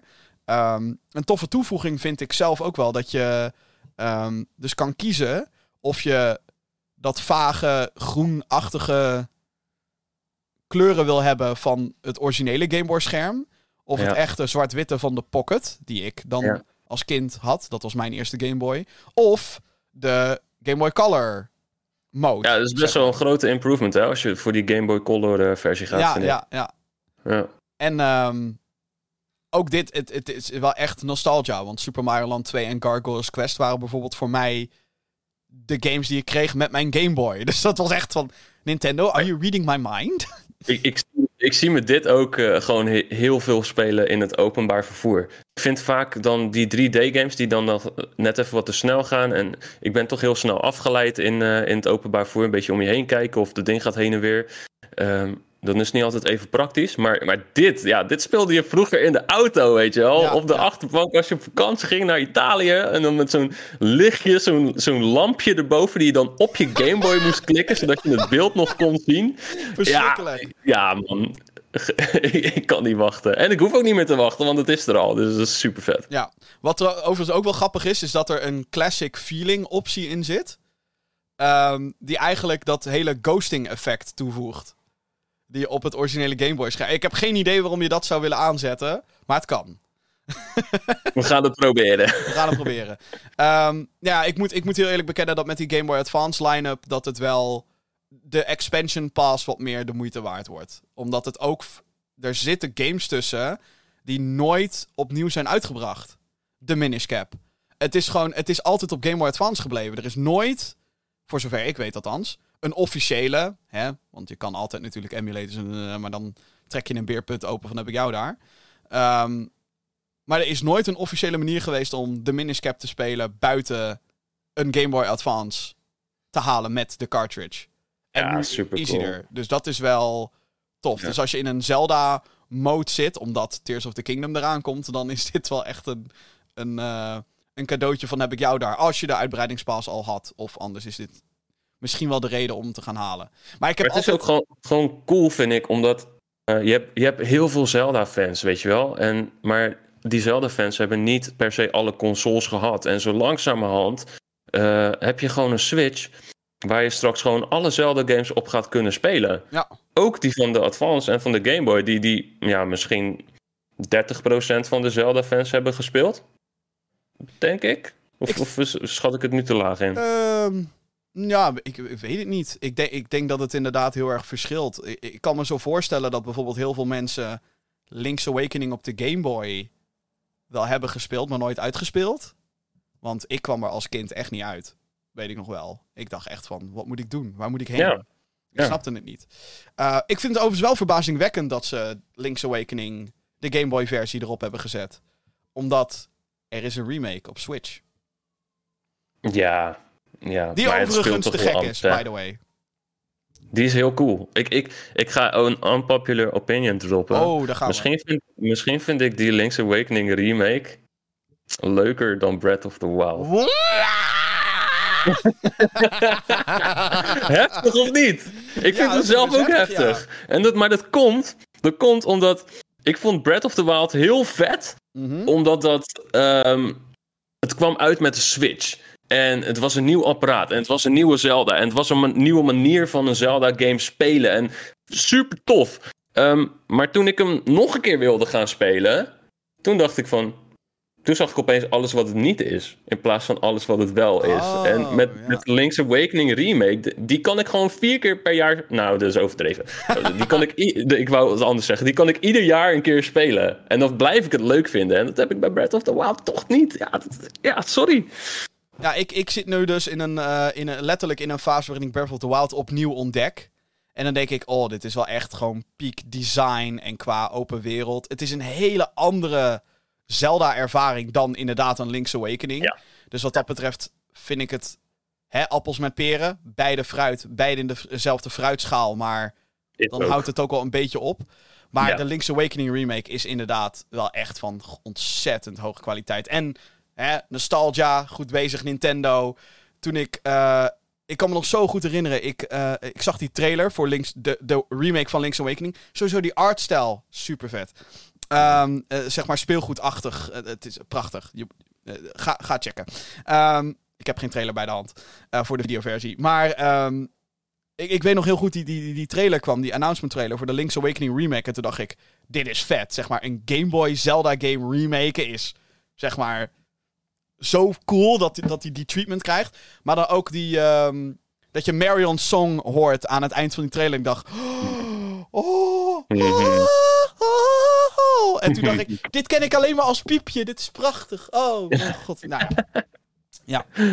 En, en het, eh, ook trouwens, heel vet, Oracle of Seasons en Oracle of Ages, de Game Boy Color games, ook nooit uitgebracht na, na de. Game Boy Color versie. Dus En ik heb die nooit uitgespeeld. Ik ben aan één van die twee toen begonnen. Maar ik vond het toen ook best pittig, inderdaad. En eh, toen had ik hem links laten liggen. En Die, links? Ja.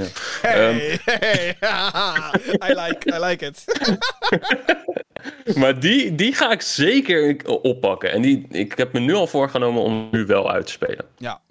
Overigens, leuk feitje is dat ehm, Oracle of Seasons, Oracle of Ages en de Minish Cap werden allemaal ontwikkeld door Nintendo. Nee, Capcom.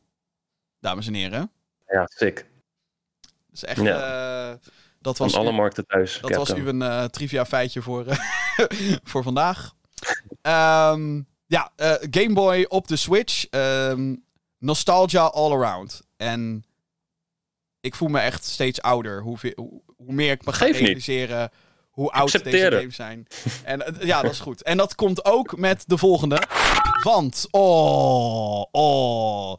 Oké, Daar is hij. Oké, oké. E- even context. Ik heb dus de Direct, de eerste keer dat ik de Direct had gezien, ehm, ik stond in een karaokebar. Een karaoke barcade, eh, sterker nog. Dus de helft was arcadekasten en de andere helft was een bar waar ze elke woensdagavond karaokeavond hebben. Dus ik stond daar, ABBA, Gimme Gimme Gimme a Man After Midnight stond ik mee te blaren.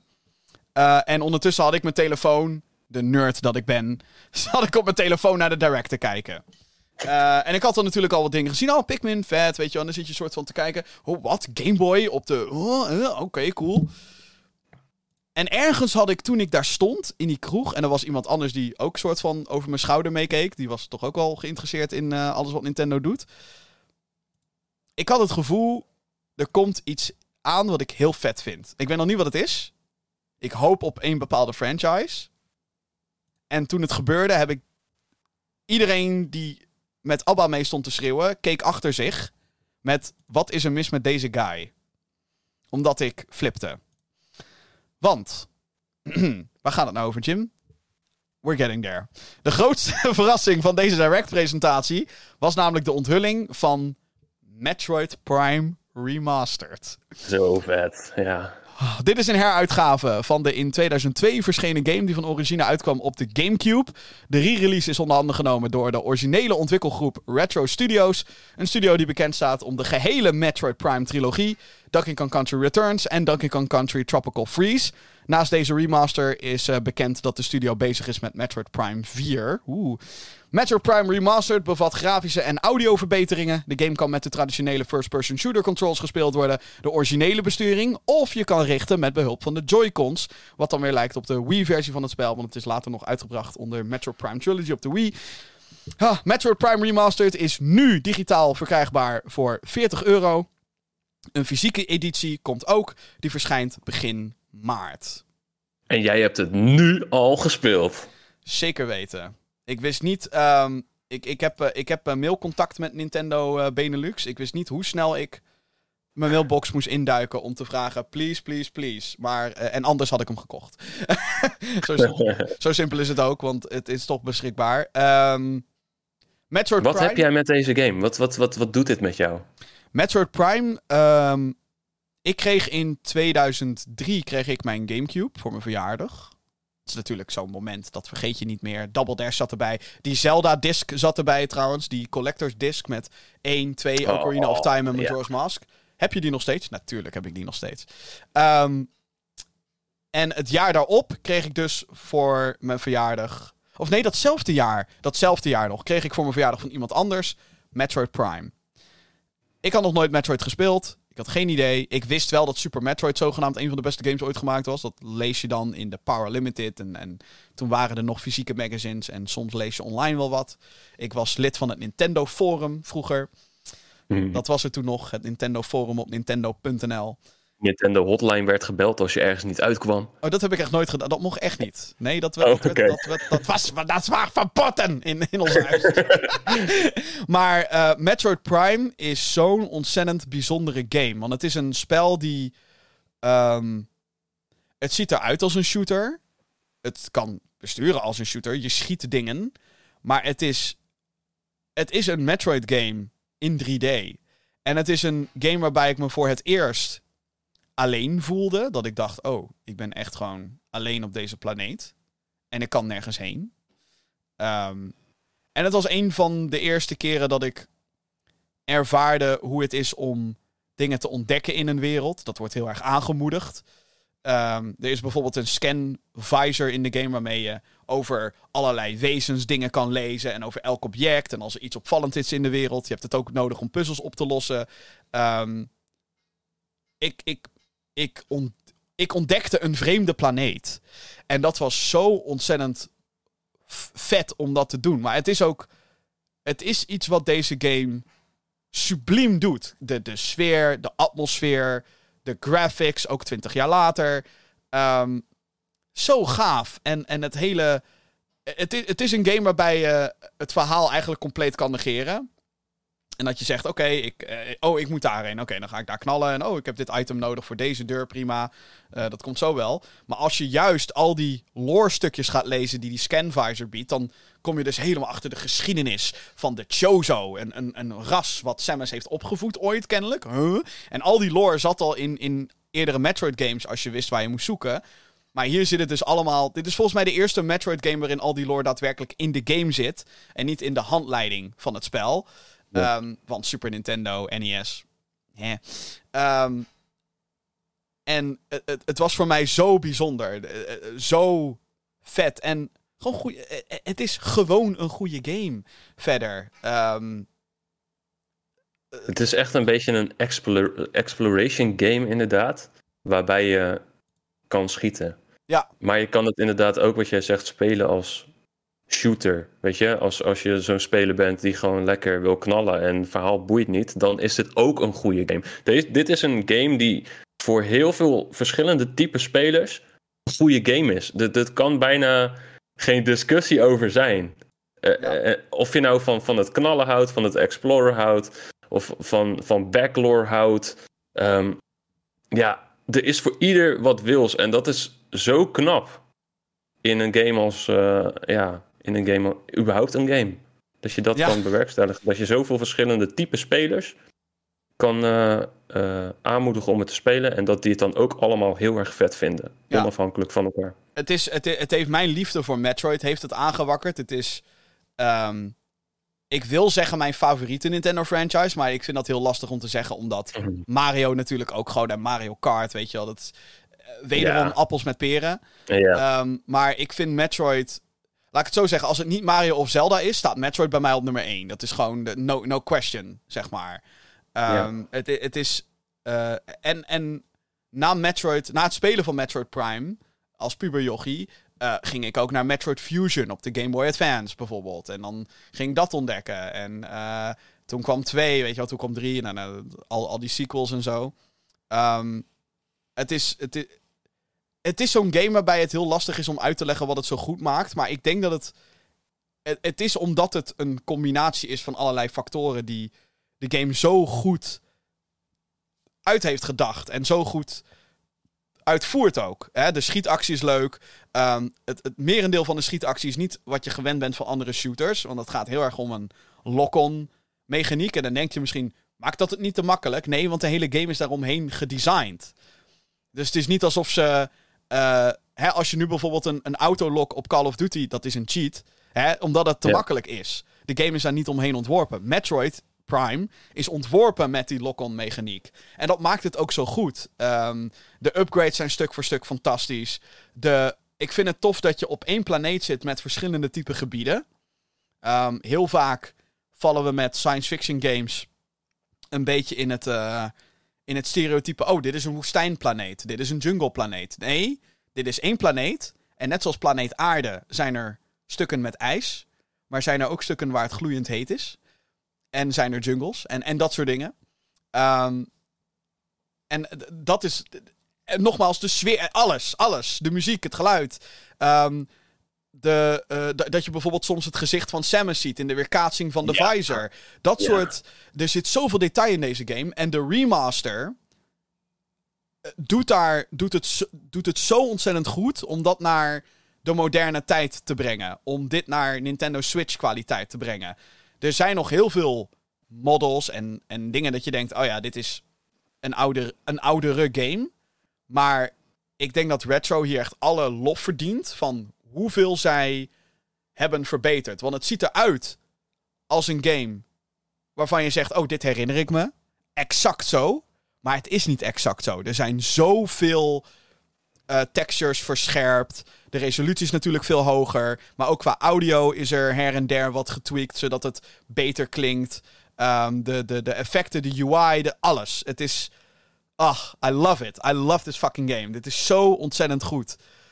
Ah, Rick, wat vind jij ervan? Sorry, ik dwaal heel erg... Ik ben heel erg aan het... eh, Nee, ik, la- ik laat je gaan, want het is prachtig om naar te luisteren. Gewoon zo'n ode aan Metroid. En Oh, wat goed dit. ik kan me daar volledig in vinden. En mensen vroegen aan mij van tevoren. ehm, eh, of, nou, ze vroegen ach- achteraf of ik tevreden was met de Direct. En ik heb altijd zoiets van: ik, ik hoop dan een aantal dingen. Eh, niet dat ik ze per se verwacht. Want als je vaak verwachtingen hebt bij een Nintendo Direct, dan, dan, ben je, raak je al teleurgesteld. Want nooit al je verwachtingen kunnen erin zitten. Maar een mens mag wel hopen.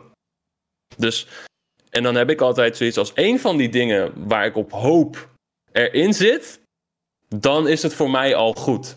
En de dingen waar ik op hoopte was eh, Twilight Princess of Wind Waker eh, voor de Switch. Ehm, misschien iets met een nieuwe Mario en het liefst 3D eh, weer. Want dat is ook alweer, ja, we hebben er twee maar een tijdje geleden. Of iets van Metroid in 3D. En toen kregen we dat en toen was het halleluja. Toen was ik was zo blij. Oh ja, ik, ik, ik heb een beetje hetzelfde verhaal met die Gamecube. Ik, ik werkte als 16-jarig jochie in een supermarkt en ik, ik, had, ik werkte fulltime, kreeg 2 2,93 euro mensen per uur. Laat dat even bezinken met je minimumloon Oh wat jij nu krijgt. God. 2,93 euro bruto per uur. Ehm, dus aan het einde van de maand had ik 450 euro en eh, de Gamecube werd gereleased. Dus van mijn allereerste geld kocht ik een Gamecube met Luigi's Mansion en Wave Race. Dus Hmm. ehm, nou ja, die Gamecube heeft ook een speciaal plekje in mijn hart. En Metroid, eh, ik had Super Metroid heel veel gespeeld op de Super Nintendo. Dat was in 2D. Vond ik een geweldige game. En toen kwam Metroid Prime. Toen kwam Metroid naar 3D. En dat was zo goed, jongens. Dat was zo goed. En nu is het er op de Switch. En nu is het nog mooier, nog beter. Echt, als je het niet kent, gaat spelen. Ik hoop dat, uh, dat door, de, door deze game en door de 2D Metroid... Ik ben even de naam kwijt. Hoe heet die ook weer, Jim, voor de Switch? Dread. Die, Metroid Dread, ja. Uh, dat daardoor de, de, er weer een hele nieuwe generatie opstaat die Metroid ooit ook vet gaat vinden. Want het is een aardige tijd geleden daarvoor dat er een goede Metroid game is uitgekomen. Maar man, alle lof. Ja. En de ode van Jim is volledig terecht. Ik ga erin mee. Weet je, uh, het is een. Um, ik vind het ook heel slim dat uitgerekend Retro Studios ook deze remaster heeft gedaan omdat je dan in ieder geval een ploegje hebt binnen die studio. Die nu heel erg bekend is met Metroid Prime 1. Op zijn minst. Laten we hopen dat ze 2 en 3 ook nog gaan doen. Ja. Dat zijn ook wel hele ambitieuze projecten om die dan ook nog eens te gaan zitten remasteren. Maar als je nou toch al zover bent. Um, maar mijn punt is, is dat het heel goed is dat uitgerekend dezelfde studio die bezig is aan 4 nu deze heeft geremake, of uh, geremaked, geremasterd. Het is geen remake als in Dead Space. Het is hè, uh, de originele game opgepoetst en her en der gemoderniseerd qua controls en qua graphics en qua geluid. Niet qua gameplay. Um, is ook niet nodig. Het is tijdloos. Wat mij betreft. Um, uh, ja, zij, zij snappen gewoon de filosofie achter de game en wat ja. de game zo goed maakt en waar eventueel de verbeteringen gemaakt kunnen worden. Uh, voor mij, eh, Retro Studios is ook gewoon echt verbonden met deze franchise. Als ik aan Retro Studios denk, denk ik aan Metroid. Ja. En het is dus heel goed omdat zij nu bezig zijn met 4. En eigenlijk met het remasteren van het origineel. Nu hopelijk heel erg doorhebben wat, wat Metroid Prime überhaupt zo ontzettend goed maakt. En dat je dat op die manier kan overtreffen. Want ik ben. Ik, ik vind Metroid Prime 2 en 3 leuk. Het had niet de impact die 1 had. En Klopt, maar dat, heb je vaak, hè? Ja, dat, heb je wel vaker, maar dat komt ook omdat 2 en 3 wat meer leunden op gimmicks. Uh, Metroid Prime 2 leunde heel erg op het... Oeh, er is een Dark World en er is een Light World. Iets wat um, in de jaren 2000 echt op een gegeven moment een trend was. Dat je een dark side had en een light side van een character of een wereld. Um, de Prince of Persia bijvoorbeeld had dan een Dark Prince en een Light Prince en dat soort... Uh, nou goed, alles moest yeah. dark. Um, en Metroid Prime 3 had heel erg... Oeh, we hebben nu motion controls. Dus je kan een schild... Kan je grappelen met je nunchuck. En dat uh, was wel heel vet. Alleen het uh, leunde wat meer... Bijvoorbeeld op wat ik net zei. Dat, oh, je hebt een ijsplaneet en je hebt een woestijnplaneet. En ik vond het juist zonde. Ik dacht, ah, ik mis nu de verbindenis met... Dat je vastzit op één planeet als... Samus zeide. Want in Metroid Prime 3 kon je naar verschillende planeten toe. Toen dacht ik, ah, wat jammer eigenlijk. En uh, nou goed, ik hoop alsnog dat die trouwens geremasterd worden. Want voor hetzelfde geld speel ik ze opnieuw en denk ik ook, oh, dit is eigenlijk wel heel vet. Gewoon. Uh, het is nog steeds heel vet trouwens. Want de trilogy heb ik helemaal op Wii gespeeld. Maar dat is heel lang geleden. Um, maar dit is zo'n ontzettend goede. Als je zeg maar op zoek bent naar Nintendo Magic in zijn puurste vorm, dan is Metroid Prime een fantastisch westers voorbeeld. Kunnen we er trouwens wel bij zeggen. Retro Studios is Amerikaans. Um, ja, dit is een fantastische game. En nogmaals, de remaster. Ik heb er nu 3,5 uur in zitten. En ik zat er helemaal. Dat je echt bepaalde kamers binnenloopt. Ik herinner me dit. Ik herinner me dit. Maar tijdens de tutorial zat ik al. Zat de grappling hook in deze game? De grapple beam? Dus zat ik echt helemaal. Hè? Dat weet ik gewoon. Ik weet wel dat er grapple beam in Metroid Prime zat. Maar ik ga er dan vanuit. Oh, dat zat in 2 of 3, weet je wel. Zeker met 3. Oh, swing de nunchuck. En dan swing je langs het level. Nee, het zat in 1. Wat? Gewoon. Oh, het, uh, ja. het, het, het, is, het, is bijna niet in woorden te omschrijven hoe goed dit is ook. Ik vind het heel lastig altijd met dit soort games om, om te zeggen waar nou exact die, die soort van X-factor in zit. Waarom het, waarom het je helemaal meesleept. En dat is wel iets wat Metroid Prime voor elkaar krijgt. En wat ik al zei, deze remaster, er zit veel meer moeite achter dan dat je in eerste instantie zou denken. Ik heb ook al wat uh, vergelijkingsvideo's gekeken en het verschil is echt heel mooi. Als in, wauw, remastered ziet er echt, echt veel beter uit. Ondanks dat je in eerste instantie denkt, oh, dit is een Gamecube game. Maar er is iets met, met die, met die vroege jaren 2000 periode van videogames. het was iets magisch gewoon. Ik kan het niet echt omschrijven. Het was hè, 3D. We, we konden 3D. Hè, het was niet meer zo primitief als op Nintendo 64 en PlayStation 1. En nu konden we echt ervaringen maken in 3D. Dat is, hoe, dat is waar GameCube een beetje voor mij voor staat. Oh, Resident Evil. Ja, het was een horror game op de PlayStation.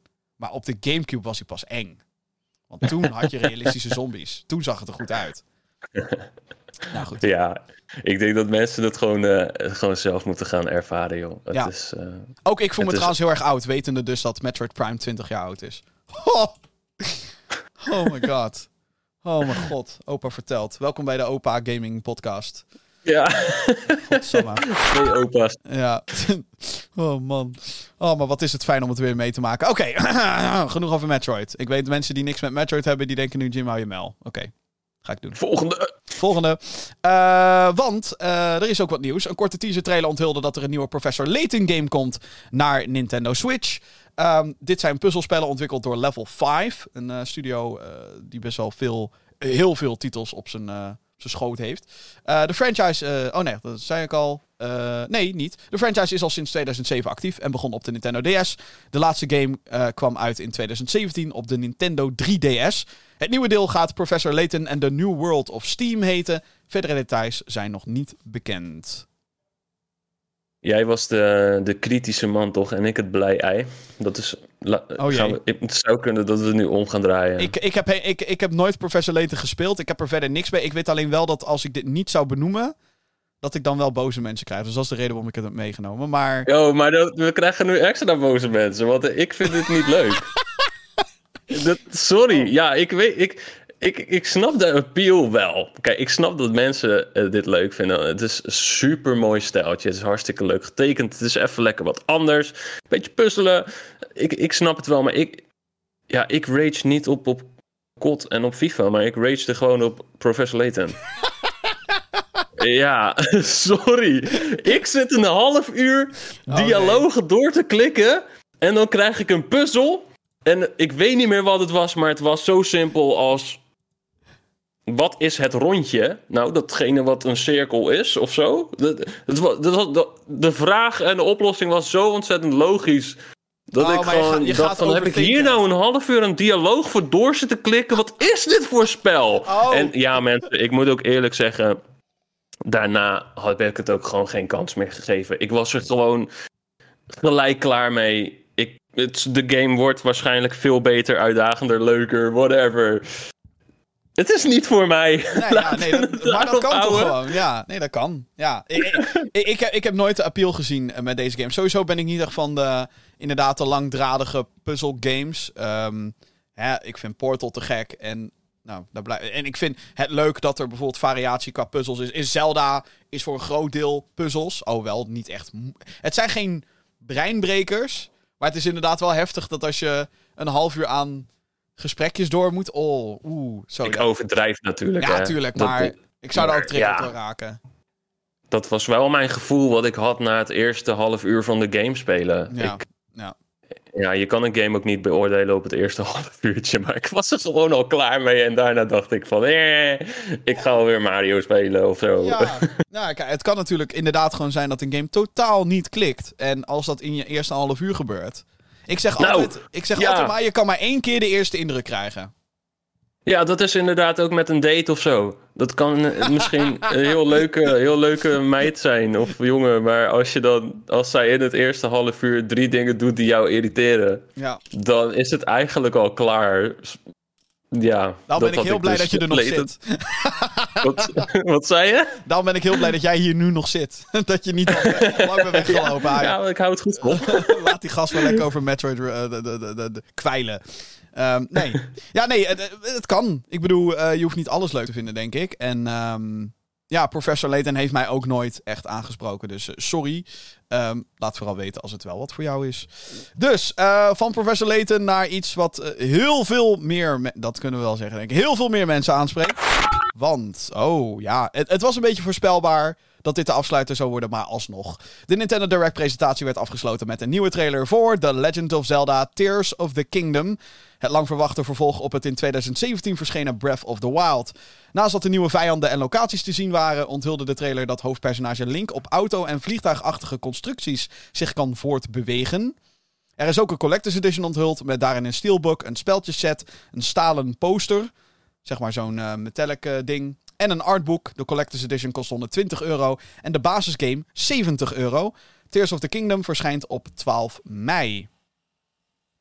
Hell yeah. oh. Ja, ik vind het wel heel tof allemaal hoor. Ik had eigenlijk al vanaf de eerste, uh, eerste trailer dat ik dacht, oeh, oeh, deze wordt volgens mij wat duisterder man. Um, neigt naar de, naar de vibe van Twilight Princess qua darkness en zo. En ja, dat, deze was ook wel weer next level duister man. Ja. Had jij dat ook? Um, ja, nou ik vind Breath of the Wild eigenlijk ook al duister. Uh, ik ben hier nu dus soort van. Nou, niet, niet nu op dit moment dat we spreken, maar ik ben er weer doorheen aan het gaan. Um, eigenlijk de eerste keer dat ik er echt, echt doorheen ga met. Dat ik er de tijd voor neem, et cetera, et cetera. Uh, ik waardeer de game ook nu veel meer dan 6,5 jaar geleden. Uh, yeah. Of 6 jaar geleden. Um, ik, um, ik. Breath of the Wild is al heel deprimerend als je erover nadenkt. Uh, dat je rondloopt door een koninkrijk wat al honderd jaar gewoon dreigt. Het is deprimerend, ja, ja maar het is niet dark. En... Nee, nee, nee, klopt. Nee, het is wel, je komt hele kleurrijke, schattige, grappige characters tegen en dat soort dingen. Uh, en zeker met dialogisch deel. Oeh, Zelda-achtig. Van, oh, ik doe een gekke animatie. Maar dat, dat, dat Zelda nu tegen Link zegt van... Hey Link, ik weet niet of jij dit kan. Ja, oké. Okay, ja, dat is... Oh, ja. Dat is wel. Zelda had altijd 100% vertrouwen in Link. In alles wat Link deed. Uh, ja. Bijna blind. En nu zegt ze. Ik weet niet of jij dit kan. Ik, op een of andere manier ging dat bij mij echt door merg en been. Ik dacht, oh shit, dit wordt echt wel heel intens dan. Ja, en uh, ja, ook toch wel die Ganon. Is het Ganon trouwens? Ik heb, ik heb het einde van Breath of the Wild nog nooit gezien. Dus ik weet niet of Ganon like, echt, echt weg is. Volgens mij is het een Chica of zo. Oh, maar ik, ik, of niet. Of, ja, ik wil ook weer niet. Misschien is het wel kennen. Ik, ik wil eigenlijk niet. Mensen moeten dat straks gaan ja, uitzoeken. Ik wil niet alle theorieën hier uh, op tafel gaan gooien. nou ja, ik, ik, ik, zou heel weinig theorieën kunnen, kunnen geven. Omdat ik Breath of the Wild dus nog niet heb uitgespeeld. Nooit niet. Um, oh, Jim, hoe durf je? Ik weet het, oké? Ik ben de schade aan het inhalen. In ieder geval, het wezen wat jij zag met die gekke handen en zo, het lijkt wel dat, een of dat andere is niet Ganon, zombie inderdaad. die al 3000 jaar daar ligt. Ja. Met die felle rode ogen. Waar de... Man, ik vond, het, ik vond het bijna eng of zo. Ja, ik, uh, de, het shot dat die uh, bloedmaan over het kasteel heen uh, zat. Ik kreeg een beetje Castlevania vibes toen ik dat zag. Ja. Um, en ik kreeg ook een beetje, en ik moest hier wel om lachen, want ik zag, voordat we begonnen met de opname, zag ik een tweet van Rare, de studio, heel lang geleden Donkey Kong Country, tegenwoordig bij Microsoft, Sea of Thieves maken ze. Um, Banjo-Kazooie hebben ze ooit gemaakt. En zij hadden, ze hadden een tweet de deur uitgestuurd met... Hey, wist je dat Banjo-Kazooie Nuts and Bolts op te spelen is via Rare Replay? Komt misschien door een trailer of zo, dat we daaraan denken. En inderdaad, als je kijkt naar de voertuigen waar Link op rijdt... Ik, ik krijg ook een beetje een Banjo-Kazooie Nuts and Oh. Bolts-achtig idee met hoe het... Waarschijnlijk, want... Dus in Breath of the Wild zitten ook wel heel veel physics-achtige dingen. Dat je ballonnetjes op een, op een vlot kan gooien en dat je zo door de wereld heen kan vliegen bijvoorbeeld. En het lijkt erop alsof Tears of the Kingdom een beetje diezelfde route opgaat. Maar dan dat je daadwerkelijk auto's kan maken en voertuigen en iets wat lijkt op een vliegtuig of een hovercraft. Um, Ja, Dus ja, het- ja, ja. het deed me een beetje denken aan, eh aan, aan Banjo-Kazooie Nuts and Bolts. Zo van, oh ja, een game die eigenlijk niks met voertuigen doet, gaat nu inzetten op voertuigen. Wat ik denk hier wel wat beter, eh, hoe heet het, past bij de wereld. Want Banjo-Kazooie Nuts and Bolts was wel een beetje dat je denkt... Niet echt per se waar mensen op wachten toen ze hoorden Banjo-Kazooie 3. Maar eh, dat soort vergelijkingen zijn heel grappig. En ehm, wat ik heel tof vind van Breath of the Wild ook... en ik zie dat hier ook weer terug... is heel veel games zijn geïnspireerd door Zelda. En Zelda pakt nu weer inspiratie van die games. ja. Uh, als ik Breath of the Wild speel, denk ik heel vaak aan Shadow of the Colossus. Ook natuurlijk door die, dat letterlijke Ja. klimmen en dan dat, dat cirkeltje wat leeg gaat. Maar Shadow of the Colossus was weer heel erg geïnspireerd door Zelda. En dat merk je als je Shadow of the Colossus speelt. Merk je heel erg, oh ja, hè, dat, dat soort van vaag houden van dingen. Het kwaad wat zich niet laat zien. En eh, de prinses die slaapt in een tempel. Hallo, Zelda 2. Weet je wel, dat, dat soort dingen. Dus het is heel tof om die cirkel soort van rond te zien gaan. En die zie ik hier dan ook weer. Of Nuts and Bolts nou echt een inspiratiebron is geweest of niet. I don't really care. Ik wil graag dat verhaal geloven. Dat iemand bij Nintendo of dat die director van Tears of the Kingdom ook zo heeft van... Weet je, dit is eigenlijk best een leuk... Laten we dit gewoon... Laten we dit doen. Laten we dit... Let's go. En dat het er Ja, het- zit. Het zou best wel eens kunnen, toch? Dat ze het een beetje bij elkaar afkijken. Ik bedoel, dat gebeurt gewoon. Dat is ook, Ja. dat is ook goed, denk ik. Als je bepaalde goede elementen eh, op een eh, originele manier dan in jouw eigen game kan stoppen. Ja. Eh, in Breath of the Wild had je wel al die DLC trouwens, daar zat een motor in. Dus het begon Oh, daar oh ja, wel al. eh, ook, ja. Het begon daar wel al een klein beetje. Ja, en volgens mij inderdaad, de, de lucht en de eilandjes in de lucht gaan een grote rol spelen in Tears of the Kingdom. Mhm. Dus eh, aan je zweefzouw heb je waarschijnlijk niet meer genoeg. Dus vandaar die soort van luchtballon. ja. Ehm, ja, misschien wordt de map wel zo groot dat je auto nodig hebt. Ja, ik vond dat wel hilarisch om te zien. Het voelde voor mij wel een beetje out of place, die auto. Maar ik laat me heel graag verrassen. Ja, ik eh, ben benieuwd hoe ze, het, eh, hoe ze dat gaan aanpakken, inderdaad. Wel- wellicht dat ze wat vaker van je vragen om echt van het ene punt naar het andere te, te gaan. En dat dan een voertuig een betere manier is. Eh, wellicht dat ze daar ook weer boss fights en zo mee kunnen. da- eraan kunnen koppelen. Dus het is wel. eh, Ik ben heel benieuwd hoe dat gaat. eh, hoe dat in zijn werk gaat eh, zijn. Ben jij voor de Collector's Edition, ben je zo'n fan? Of ga jij gewoon de normale versie halen? Ik was vroeger heel erg van de Collector's Editions. Ik ben alleen van mening dat Collector's Editions een beetje... ehm, ten eerste, ehm, als je de videoversie bekijkt... Oh, de microfoon gaat er ook meteen vandoor. Maar in mijn hoek... Mijn hele kamer staat vol met Collector's Editions. Inmiddels heb ik geen ruimte meer.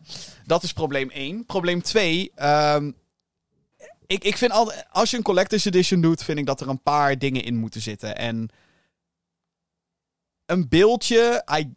Ik snap dat heel veel mensen zoiets hebben van ja, beeldje, beeldjes, dat hebben we nou al. Ik vind wel dat het een beetje bij hoort. Ik vind een speltje set en een steelbook en een klein metaal postertje en een artbook voor 120 euro, denk ik. Nou, nou. Eh, Ja.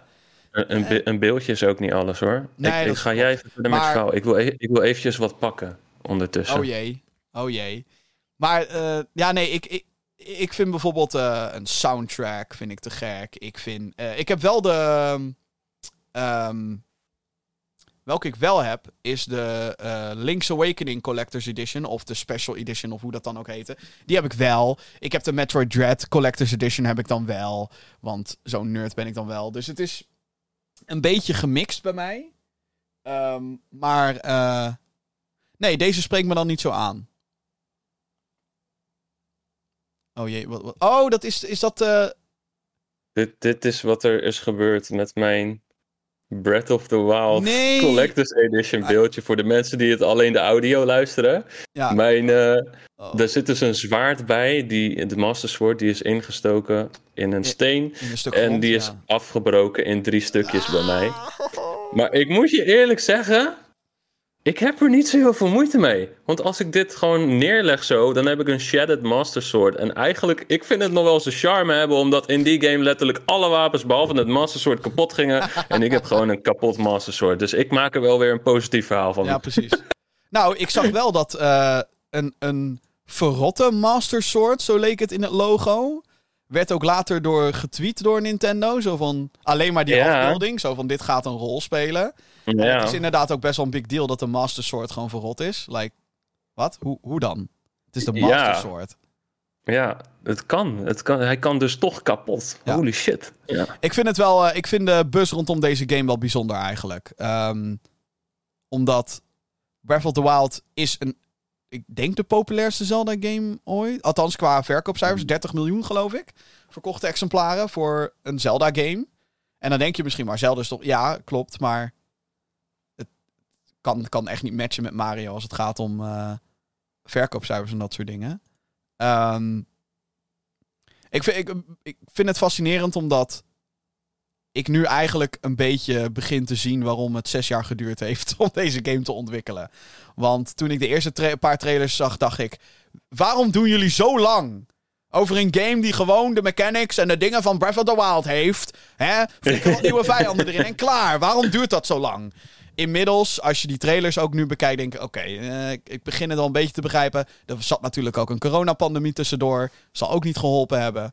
Ehm, dus het is wel. Ik, ik begin een beetje mijn mening bij te schaven als het gaat om. Wat de fuck, Nintendo? Waarom doen jullie er zo lang over? De cijfers zijn echt bizar trouwens. Ik zie een, een artikel wat op 30 december 2022 is gepost.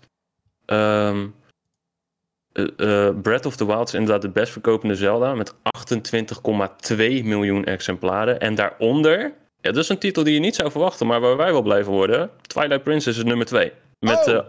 Eh, 8,58. Dus dat is drie, ruim drie keer zo weinig. Ja, ja, dat is heftig. Ja. En ik, eh, van Twilight Princess snap ik het ook wel natuurlijk. De Wii was de meest booming console ooit op dat moment in 2006. Ja, En als je waar. dan Wii Sports had uitgespeeld, wilde je wat anders. En dan was het Zelda rond eh, Ja. launch. Dus dat was wel. ehm, zo, jeetje. 30 miljoen. Ja, het is knap Ja. hoor. Ik, ik, Ik, eh, ik denk dat deze het gaat eh, overtreffen. Er zijn nu meer mensen met een Switch. dat is waar. En eh, ik verwacht dat deze ook echt wel toffer wordt. Ik vond de wereld van Breath of the Wild toch iets te leeg. Mhm. Ik, ik hoop en denk dat hier meer te beleven gaat zijn. Ja, ik, ik verwacht wel dat deze er uiteindelijk overheen gaat. Alhoewel, aan de andere kant, Breath of the Wild was een launch game. Mensen pakken die er heel snel bij. Nou ja, we gaan het zien. Maar dat die vet wordt, dat, eh, ja, dat kan haast niet missen, toch? Er was ook nog wat ehm, gedoe rondom de prijs van de game. Eh, Nintendo verkoopt de game namelijk voor 70 euro in plaats van de gewone 60 voor andere Switch games. Ehm, inmiddels is de rest van de industrie wel begint steeds meer te wijken naar 70 voor eh, PlayStation 5 games bijvoorbeeld. Sterker nog, daar loop je vaak tegen een 75 of 80 euro prijskaartje aan. Ehm, het, eh, ik vond de, of althans de ophef hierover vond ik wel opvallend. Want ik zag heel veel headlines. Tears of the Kingdom kost 70 euro. Wow! En dan daaronder snel een rectificatie. Oh, trouwens, Breath of the Wild kost ook 70 euro bij launch. Dus ik vond, ik, vond, het wel... En ik vind het sowieso een interessant ding dat Nintendo er dus heel bewust voor kiest om kennelijk beide nieuwe Zelda-games voor 70 euro te verkopen op de Switch. Ja, want ze hebben toch ook gezegd van... het is niet dat we vanaf deze game alle Nintendo games voor 70 euro Klopt, gaan ja. verkopen. Andere gaan gewoon 60 blijven en deze is dan weer 70. Like, waarom? Kost deze meer moeite? Vinden jullie deze meer geld waard? wat, wat is het? ja, heel benieuwd wat daar... Nou ja, waarschijnlijk omdat ze weten dat de Zelda-fans sowieso gaan happen. Oh, gewoon extra monies pakken. ja. Gewoon extra monies, eh, denk ik. Ik denk ook wel dat de ontwikkeling van... Sowieso Breath of the Wild heeft heel lang geduurd. Die ontwikkeling. Ik weet nog wel dat het like, aan het... Voordat de Wii U er was, werd de eerste teaser trailer van eh, Breath of the Wild al vertoond. Dat was toen gewoon de nieuwe Zelda. We hadden nog geen idee. En deze game heeft natuurlijk ook jarenlang bekend gestaan als het vervolg op Breath of the Wild. Ja. Geen idee hoe het heet. Eh, nu weten we het. Eh, Tears of the Kingdom. Of is het Tears of the Kingdom? Zijn het tranen of scheuren? Exact. Ik zeg de hele tijd Tears, omdat ik denk, oh, dat is logisch. Maar Tears zou ook heel goed zijn. Ik weet niet eens... Het werd volgens mij ook niet in de trailer gezegd of zo. En elke keer als ik iemand het hoor afkondigen bij een Nintendo Direct, is het een Japanner. Dus dan weet ik ook niet wat de uitgaat. ik, ik, probeer, ik, ik probeer te kijken naar het logo, of ik daar iets uit op kan maken, maar... Dat, Ja, omdat, nee. omdat ik dus een verrotte Master Sword zie, denk ik tear, als in scheuren. Want dat zou ook Of hele, misschien is het allebei. dat zou helemaal, dat zou echt Hideo Kojima levels van innuendo en meta. De, de traan zorgt ervoor dat de scheur verdwijnt straks. Mm. Klinkt wel heel Zelda, inderdaad. En nou, ik vind het niet eens een hele slechte theorie, al zeg ik het zelf. Ja, dat zou wel heel goed zijn, ja. ja. 12 mei 2023, de nieuwe Zelda-game eh, voor Nintendo-liefhebbers en mensen met een Switch, denk ik wel. In ieder geval een van de games om naar uit te kijken, op z'n allerzachtst gezegd. Maar ga jij de Collector's Edition nog wel halen? Je vroeg net over Collector's Edition. Jawel, Jawel. jawel, jawel. Ik, eh, jawel, die wil ik wel gewoon hebben. Ja, en dan ga ik gewoon weer iets vinden om kapot te maken. Oh ja, ja. Artbook, gewoon pagina eruit scheuren, wegwezen. Nee, ik mis, een, eh, ik, ik mis echt een soundtrack in deze Collector's Edition. Ik hou van videogame soundtracks. Of dan nou op... En ook op een cd. Vind ik leuk. Ik bedoel, waarom niet? Ehm, ik weet nog heel goed dat eh, bij eh, Skyward Sword op de Wii kreeg je zo'n 25th Anniversary CD. Met daarop ja. een eh, speciaal uitgevoerd orkestrale. ja, het wa- was een soort medley CD eigenlijk, maar zo mooi, zo prachtig. Al van- Ja, tof. Ah, man. The Legend of Zelda, Tears of the Kingdom. Ehm, nou, dat was de Direct. dat was de Nintendo Direct in een hele lange notendop. Eh, zijn er nog andere dingen die jou opviel? Of wat is jouw overige eh, impressie nog? Ehm, ja, ik heb ook nog wel zin in die Kirby game. Vind ik ook wel leuk. Er zat een, eh, een, een ding bij wat je dan kan spelen als je de game hebt uitgespeeld. Ja. Dan krijg je een hele epiloog, epiloog waarbij je een character hebt. De Magalore epiloog. We hebben het over Kirby's En- Return to Dreamland Deluxe. Ja, ik, de- dankjewel dat je de titel even noemde. Die was ik al lang weer vergeten. Games echt Maar je start dus dan met Megalore en hij kan nog helemaal niks. En eh, door levels uit te spelen en dingen te verzamelen, kan je je character upgraden met abilities. En Hmm. je kan ook zelf helemaal kiezen welke abilities dat zijn. Dus eh, of je beter kan springen, of hoog kan zweven, of dat je eh, dingen die je afvuurt bijvoorbeeld krachtiger worden of zo. Dat kan je helemaal zelf bepalen.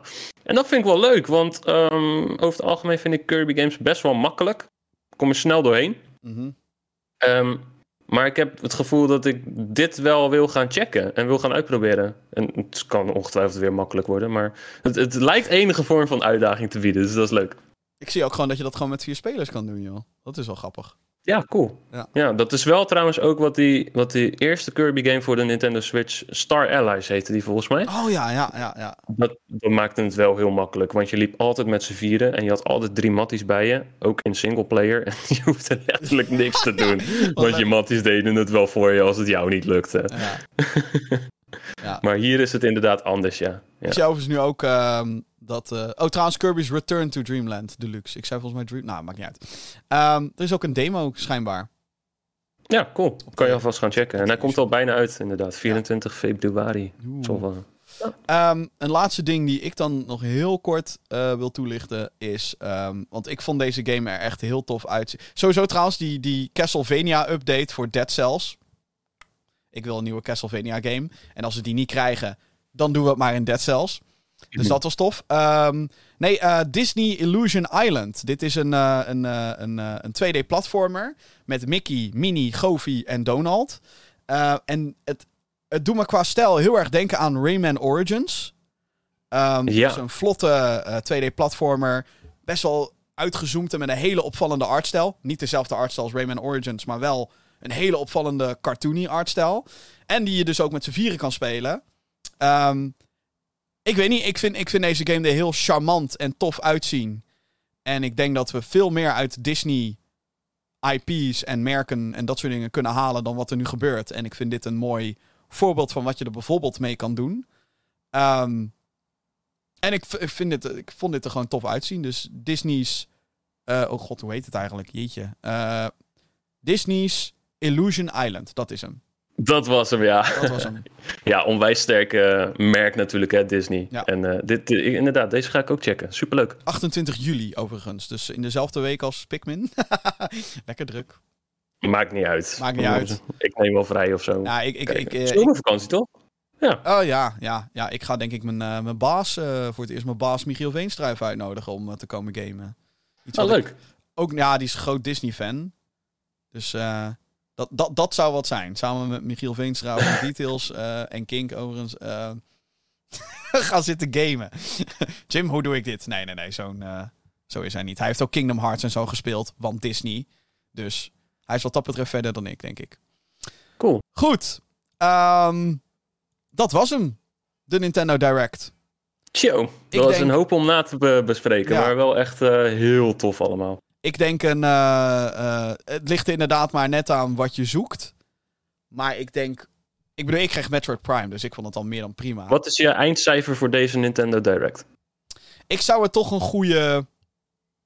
Oeh. Ik zou toch. Ik denk een. 7,5. En dat komt, daar moet ik even bij eh, vermelden. Dat komt, ik heb niet heel veel met Pikmin. Weet wel, ik, heb, ik, ik, ik voel wel, ik begin zo langzamerhand de hype voor Zelda te voelen. Maar het voelde een beetje voorspelbaar. Van tuurlijk krijgen we een Zelda-trailer. Duh. Die game komt, uh, komt, komt in mei, dus no shit. Dat, uh, weet je al. Um, maar voor de rest was het, vond ik, en, en, en het zijn gewoon niet mijn type games. De, de JRPG's, de, de Japanse murder mysteries, de Japanse visual novels ik heb daar niet heel veel mee. En dan zit je bij Nintendo Directs, trek je dan wel vaak aan het kortste eind. Want het, heel veel trailers zaten vol met dat soort games. Um, en ja, als je daar niet van bent, dan, ja, dan, dan zit je een soort van half. Oké, okay, het zal wel.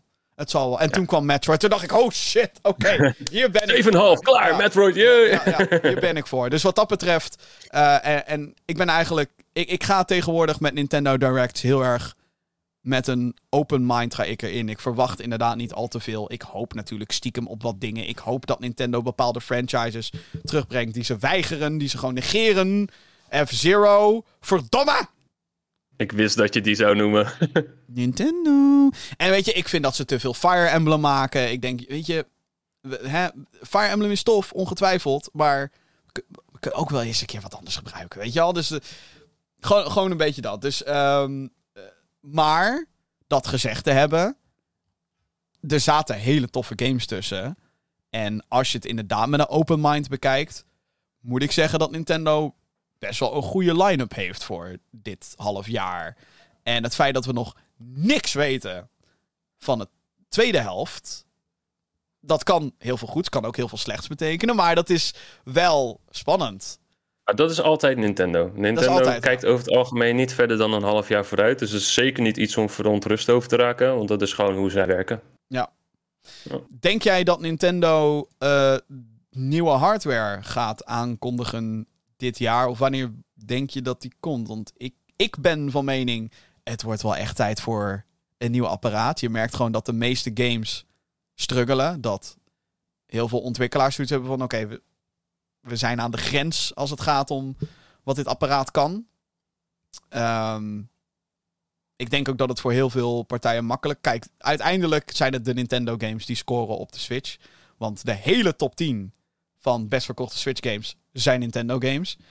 Um, maar alsnog, ik denk ook dat Nintendo kan profiteren van meer kracht in zijn uh, omhulzing.